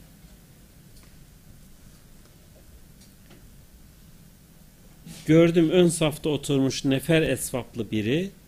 Dinliyor vecd ile tekrar alınan tekbiri. Ne kadar safidi siması bu mümin neferin. Kimdi? Banisi mi? Mimarı mı bu ulvi eserin? Bütün bir medeniyeti Süleymaniye Camii ile özdeşleştiriyor. O gördüğüm o nefer esvaplı biri, siz birimiz, ben, o herhangi biri. Bunun mimarı mı, banisi mi? Onu anlamaya çalışıyor güya be. Nihayet şöyle bir şey diyor. Yoruldu falan dedikten sonra vatanın hem yaşayan varisi hem sahibi o. Görünür halka bugünlerde teselli gibi o hem bu toprakta bugün bizde kalan her yerde hem de çoktan beri kaybettiğimiz yerlerde. İşte bugün görünen kızıl elma ne biliyor musunuz? Türkiye'nin kendisi. Biz bugün kendi büyüklüğümüzün farkına, iç siyasi çekişmelerden, şunlardan bunlardan farkına varamıyoruz. Bir dışarı çıkın da seyredin Türkiye'yi. Bir dışarı çıkın da seyredin. Eskiden yurt dışına gidiyoruz dedim mi 50 kişi elimize para tutuştururdu. Bana da şunu al, bana da bunu al. Şimdi aman ha diyorlar. Bir şey almana gerek yok. Hepsi burada var diyorlar. Tamam Biz başka yere doğru gidiyoruz. Öbür türlü sizin sorunuzu daha somutlaştıran bir şey söyleyeyim ama yani romantik olarak söylediğimi düşünün. Siyaseten söylemediğimi düşünün e, Zeytin Dalı Harekatı sırasında tankın üstündeki askerlerimizden birine nereye gidiyorsunuz diye sordu oradaki haberci. O da gayri ihtiyari döndü Kızıl Elma'ya dedi. Kardeşim derinlerde bir yerde bütün gücümüzle yaşıyoruz biz. Öyle üstümüze azıcık toprak atıldı mı ölmüş saymasınlar. Tamam Bizim hikayemiz bu. Ama Şimdilik böyle kalsın. Evet. Devam edelim. Gençler uyuma yün. Merhaba hocam. İsmim Nihat. Ee, Buyurun. Nihat Karakoç. Ben aslında soruyu soru, e, sormadan önce tam o esnada cevap verdiniz. Korkma sönmezle ilgili bir şey soracaktım. Aslında Kızıl Elma bunun içinde de yatıyor diye düşünüyorum ben. Çünkü orada bir yok oluş ya da yok oluşa doğru aşağı iniş varken oradan bir yükseliş söz konusu. Korkma, sönmez. Bu da sizin bahsettiğiniz gibi zaten Kur'an-ı Kerim'de de geçen bir şey. Bir cesaretin anlamı. Kızıl Elma'nın bir şeyi de bu değil mi aslında? Yeniden yükselmek, yeniden Kızıl Elma'yı aramak ya da yeniden bulmak gibi bir şey. Siz orada anlatırken ben zaten o esnada soruyu sormak için çok kendimi Ve cevabını da vermiş oldunuz. vermiş diye. oldunuz ama ben Teşekkür yine ederim. bunu herhalde bir yarım saatte anlatsanız dinlerim. Ya da Olur, onun bir gün üzerine Kızıl giderim Elma diye anlatırız tahmin size. ediyorum. Mehmet Akif sağ olsun zaten o kadar muhteşem anlatmış ki Allah rahmet dediğiniz eylesin. gibi siz de Kur'an-ı Kerim'den alıntı olduğunu söylediniz ya da eşleşme olduğunu söylediniz ama Alıntı alıntı. insanın hakikaten ruhuna işliyor. Korkma. Artık inmişsin. Bitmişsin. Daha nereye kadar inebilirsin ki? Artık yüksel. Kızıl elma arıyorsan bul. Kızıl elma nerede? Senin kendi içinde, kalbinde, kafanın içinde. İlk önce dillendir, sonra e, başkalarına dillendir diye düşündüm. Bilmiyorum sizin anlattığınız böyle bir şey miydi? Ben böyle Teşekkür hissettim. ederim. Orada soru sormak için konuşuyordunuz. Kendimi zor tuttum. Tamam. Çok teşekkür ederim. Peki. Ee, başka Hep gençler ya. yönetim kurulu başkanımız. Ha o zaman şey, Şey yapalım. tevelli et başkanı. Teşekkür ederim hocam. Hoş geldiniz. Sefa Sağ olun, geldiniz. sağ olun. E, şimdi tarih bizi çağırıyor başlığından. Tabii günümüzde siz de ifade ettiniz. Tarihi köklerimize yönelik yeni yeni kıpırdamalar var, uyanmalar var. E, bu manada da zaten siyasi baskıların organizasyonunda satır arası söyledin. Bundan kaynaklı olduğunu, bu e, sancılardan kaynaklı olduğunu. Tabii yurt dışına e, çıkanlar bunun şeyini daha iyi anlıyor. Ben e, 50'ye yakın bir ülke ziyaretim oldu. Dolayısıyla bu potansiyeli şey yaptım, gördüm, tespit ettim bir vatandaş olarak. Ama şimdi yalnız şöyle bir soru soracağım. Tabii tarihimizde geçmemiz geçmemiş geçmişimizde Türk olmanın yanında İslam'a hassasiyetlere sahip olma kabiliyetiyle beraber sizde Avrupa'da Türk dendiğinde Müslüman kavramıyla eşit olduğu şeyi var. Algısı var. E, tarihi gerçeklikte de bu. Tabii biz bu e, gerçeklik gerçeklikten uzaklaştığımızda ve işini boşalttığımızda zaten bu söylediğiniz e, anlaşmalara muhatap olmuşuz aslında. Osmanlı'nın son dönemlerinde. Şimdiden e, yeniden bir böyle bir fırsatın geldiği e, bir işte bir o döngünün cycle'ın yeniden bize sıra geldiği gerçeği ortada. Ben bunu hissediyorum açıkçası. Ama Türkiye Cumhuriyeti Devleti yöneticileri, derin mekanizmalar bu fırsatın sadece Türklükten kaynaklandığından mı şey yapıyorlar? Yoksa İslam'a hassasiyetle beraber bunun bir anlam ifade ettiğin farkındalar mı? Ee, son dönemlerde işte Türkiye Cumhuriyeti Devleti'nin yeniden yapılan, yapılanmasında sadece şekilsel ve kültürel bir kabulün olduğu algısı var bende. Yani dolayısıyla e, bu e, tarihi tarih bizi tekrar çağırıyor gerçeğine cevap verebilecek bir hazırlığımız, mantalitemiz yani insan kaynağı, finansal kabiliyet olarak hazır olmadığımız gerçeği ortada o bir şekilde telafi edilir. Söylem Bir ona kısalar itibariyle. Ama düşünsel, zihinsel ve kalbi olarak böyle bir e, e, işin ehli e, mekanizmalarına bulunan insanlar bunun e, nasıl bakıyorlar? Siz e, bir Yani işin e, derin bir akademisyen vakıf insanlar e, değil mi? gördünüz, göreceğiniz Yani- olarak e, tarihi gerçeklik içerisinde tarih nihayetinde şu- şunu- 100 yıllık bir dönüşüm içerisinde tekrar tekerrür eden bir şeyi var, yapısı var. Şimdi bakın bir ben e, şeyiniz varsa şunu- teşekkür ediyorum tekrar. şunu söyleyeyim. Bu e, Türklük Anlaşıldı anlaşıldı, anlaşıldı. Şimdi e, içi boşaltılmış bir Türklük ya da içi boşaltılmış bir İslam konusu tamamen iç politik oldu. Döndüm hocam. Tamamen iç politik değerlendirmelerden ibaret bir konu. Şimdi e, devletin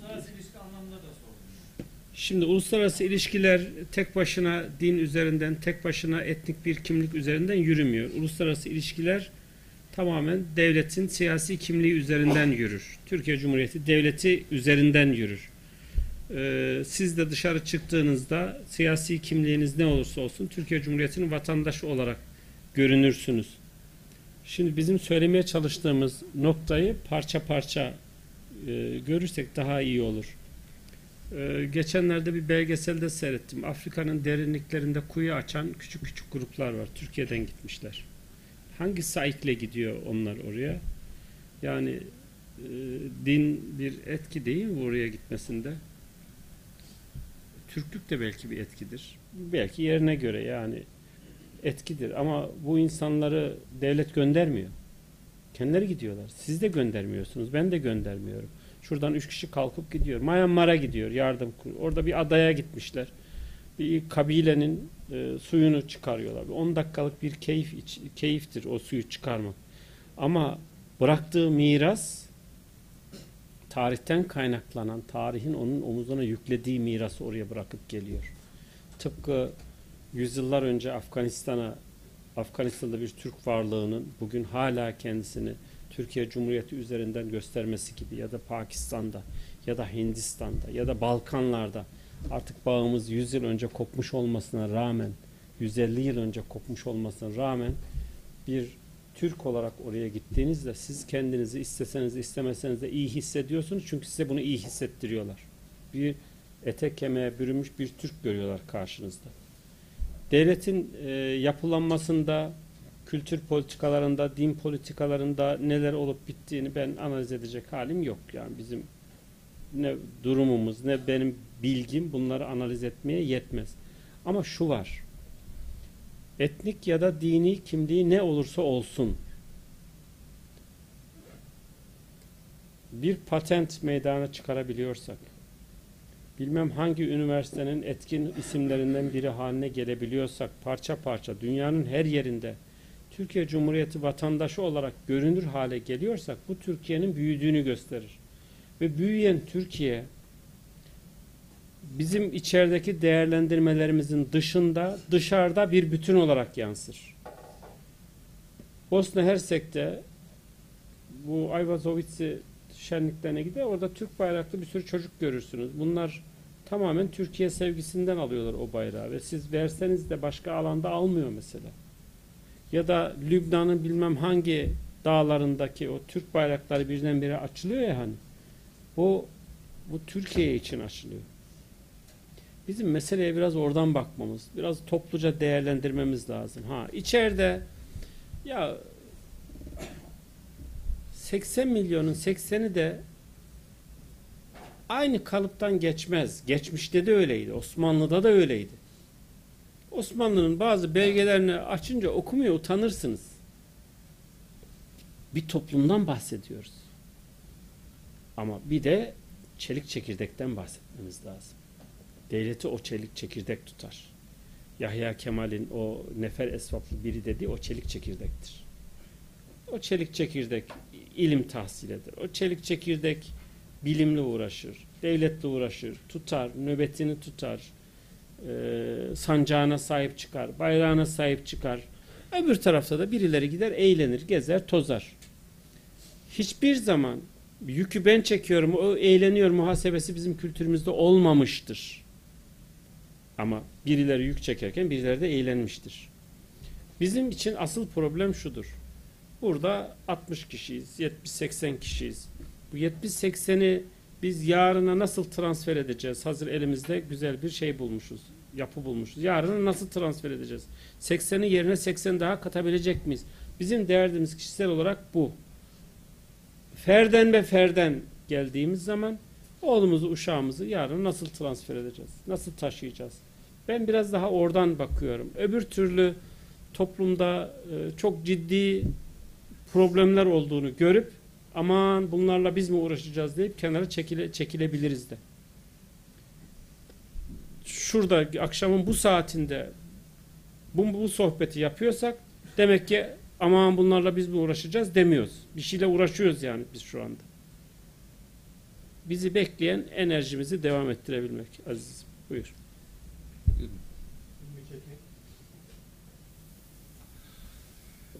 Ee, dünya tarihinde e, soykırımı çok fazla yapan ülkeler her yıl Nisan ayı geldiğinde işte sürekli Türkiye'ye Ermeni soykırımı dayatması yapıyorlar.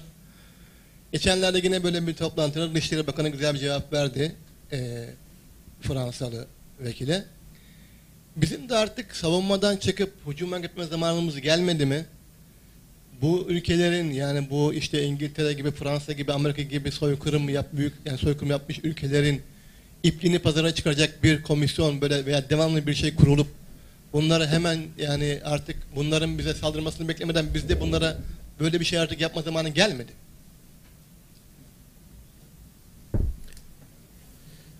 Abi 80 kaç 250 tane üniversite var bu ülkede yani. Bu sorunun doğrudan muhatapları bu üniversiteler, enstitüler, araştırma kuruluşları, think tank kuruluşları, dergiler, yayınlar. Yani devlet oturup da bunlarla uğraşmaz. Dünyada da dikkat ederseniz aslında devletle uğraşmıyor. Devlet son sözü söyler devlet adamı. Aşağıdaki kuruluşlar bu çalışmaları yaparlar. Biz şöyle aşağı doğru bakalım bakalım. Kim vazifesini doğru düzgün yapıyor yani. Sürekli yemekten başka. Problem büyük o noktada. Evet, genç arkadaşımıza vermek. Genç arkadaşım. Merhabalar hocam.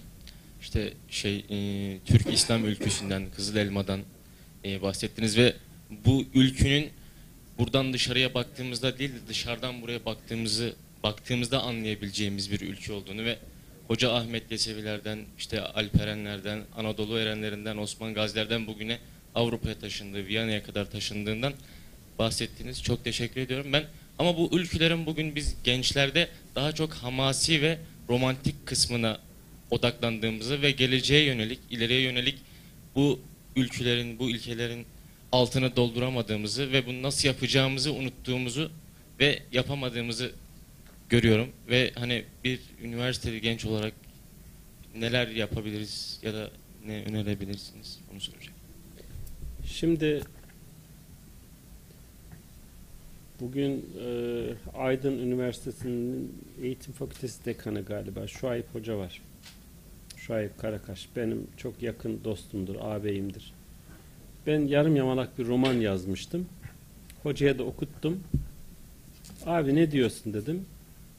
O da dedi ki kim ki dedi Türklüğe hizmet ediyorsa bir tuğla koyuyorsa başımızın üstünde yeri var dedi. Sen bir tuğla koymaya çalışıyorsun. Bunun edebi yönü tartışacak durumda değilim ben dedi. Teşekkür ederim dedi. Metnini benim elime verdi geri. Şimdi birebir de kendimiz için düşünelim. Biz ne yapıyoruz? Yani başkasına bakıp yakınmak yerine kendi yaptığımıza bakalım. Üniversitede hangi bölümde okuyorsunuz siz? Bölümünüz? Bırak. Hukuk. Nasıl ikisi bir arada? Çiftten aldım. Çift adam. İyi bir hukukçu olmaya bakın. Vazifenizi en iyi şekilde yerine getirmiş oluyorsunuz. İyi bir siyasetçi olmaya çalışın. Vazifenizi en iyi yerine getirmiş oluyorsunuz. Şimdi bakın konuştuğumuz toplum 80 milyonluk toplum. Bu toplumun içinde her türlü maraz olabileceği gibi her türlü iyi şeyler de var. Biz iyi şeyleri yüceltmek zorundayız. Eteğinden tutup iyi şeylerin aşağı çekmek yerine iyi şeyleri alıp yukarı çekmek durumundayız. Belki bir gün yukarı çektiğimiz kişi siz olacaksınız. Belki sizi siz bir başkasını yukarı çekiyor olacaksınız. Şimdi dünya fetihler dünyası değil. Benim anlatmaya çalıştığım nokta bir zihin anlayışının değişmesiydi. Zihin değiştikçe sizin dış görünüşünüz ve dışarıya yansıyışınız da de- değişiyor. Şu telefonun içinde 250 bin tane patent var. 250 bin patent var. 1 lira, 2 lira, 3 lira, 5 lira farkına varmadan ödüyoruz. Ama sürekli ödüyoruz. Sizin bunun içinde bir patentiniz var mı? Facebook bir tane hangarın içinde kuruldu. Şu anda dünyanın en zengin şirketi haline dönüştü. Sizin böyle bir yapınız var mı?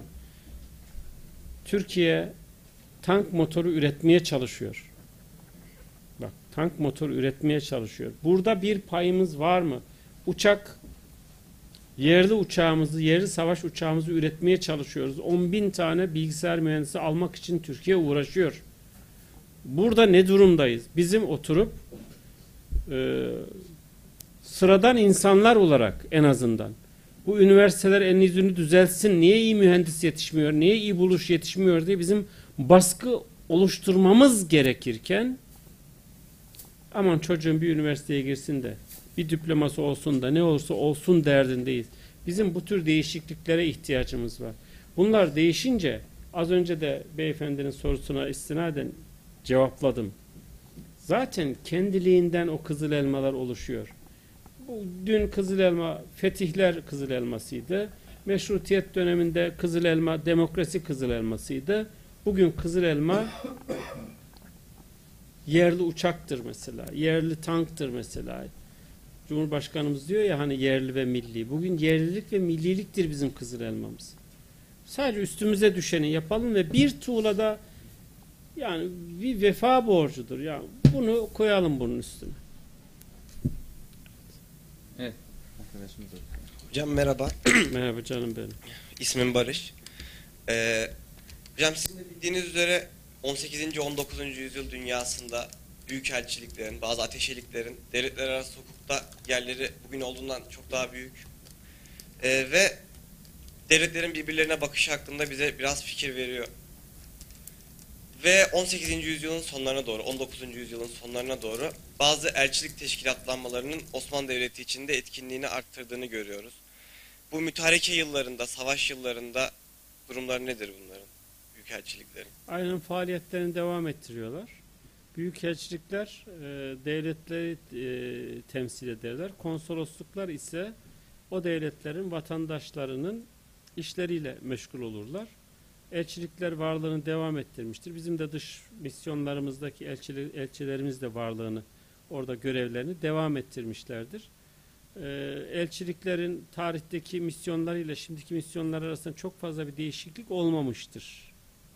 Onların görevleri devlet temsili olduğu için elçilerin e, kabulünde ve e, seçiminde belli protokoller uygulanır. Onlara e, bazı devletler özel önem verirler. Bizim devletimiz elçi seçiminde, elçi göndermesinde, yurt dışı misyonlara adamlar göndermesinde hassasiyetini epey bir zamandır kaybetmiş idi. Yeniden o hassasiyetlere sağlıyoruz. Mesela Amerika'da Türkiye elçisi niçin Türkiye'ye gitmesi gerektiğini kongreye anlatmak ve ispat etmek zorunda. Türkçe bilmek durumunda. Türkiye'yi tanımak zorunda. Bizde elçi torbadan çıkıyor. Aa benim Tahran çıkmış. Ben Tahran'ı ne yapayım diye öyle konuşuyor ya. Biraz problem var bizde. Bunun dışında başka bir şey yok. Buyurunuz.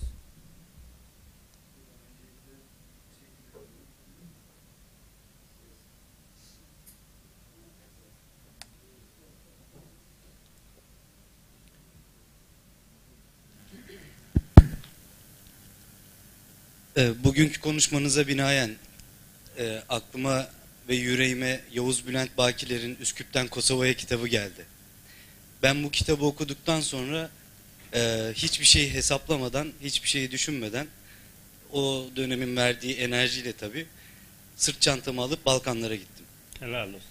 Ee, ve o zaman gerçekten Türk'ün ne olduğunu o kitap vasıtasıyla anlayıp, idrak edip ve gittiğimde de ne olduğunu yaşayarak öğrendim. Sizin bu konu hakkında tavsiyeniz arkadaşlarımıza ne olur? Kitap olur. Çantayı alın fırlayın aslanım. Yani bir, bir bir kere aç kalmazsınız. İki güvenlik sorunu yaşamazsınız. Dil sorunu yaşamak. Dil sorunu yaşamazsınız. Zaten evrensel dil var, işaret dili. Onunla her işi çözersiniz. Benim hayalimi delikanlı gerçekleştirmiş. Benim de sırt çantamı omzuma alıp şöyle kayıp eyaletleri dolaşmak gibi bir hayalim var. Ee, Üsküp'ten Kosova'ya ilk yayınlandığında ben de onu okumuştum. Ben de çok tesirinde kalmıştım. Allah uzun ömür versin Yavuz Bülent Bakiler. Çok tatlı bir üslupla Balkanları anlatmıştı. Sonra Türkistan, Türkistan'la Asya'yı anlatmıştı. Bu anneler babalar var, babalar var burada. Onlara da söyleyeyim. Çocuklarınızı çok böyle akvaryum balığı gibi yetiştirmeyin. Eline 3-5 kuruş koyup e, kapı kulede tekmeyi yapıştırın gitsin biraz dolaşsınlar. Yerinde öğrensinler her şeyi. Gençler siz de hayata atılmak için aceleci davranmayın. Cenab-ı Allah'ın verdiği ömür her şeye yetiyor. İnsan hayatına her şeyi sığdırabiliyor. İlk fırsatta okulunuz biter bitmez hemen bir yurt dışına gidin. Biraz gezin, tozun, dil öğrenin. Bir dil yetmez, iki dil, üç dil, beş dil öğrenin. Gelin Türkiye'de işiniz de hazır, yeriniz de hazır, her şeyiniz hazır. Ondan korkmayın, kaybedeceğinizden de korkmayın. Ama yurt dışına çıkın. Kesinlikle çıkın. Evet, son sorumuzla beraber hocam. devamı şeklinde bir soru sorabilir miyim? Ben aynı arkadaşın sorduğu soruyu Kudüs anlamında devam ettirmek istiyorum. Bunun için bir şey verebilir misiniz? Ben aslında bugünkü gelme nedenimden, nedenimden biri de bu. Okuma. Yani ben Kudüs'le ilgili şey söylüyorum. Aynı arkadaşın sorduğu soru şeklinde sırtınız, sırt çantanızı alıp Kudüs'e gitme. Çünkü Döverler sizi orada. Şimdi var Kudüs'e karşı ve ben orayı bir şekilde keşfetmek ya da kendi Kızıl gidin yani gidin yani sizi engelleyen bir şey yok. Ya gidin şu sınırların dışına bir çıkın da gelin Türkiye'de toprağı bir öpün yani. O zaman cennet vatanı biraz daha görün ama gidin yani. Çok zor değil bir yere gitmek. Artık eskisi gibi de değil. 100-200 dolar verdim size bilet veriyorlar hemen. Gidin.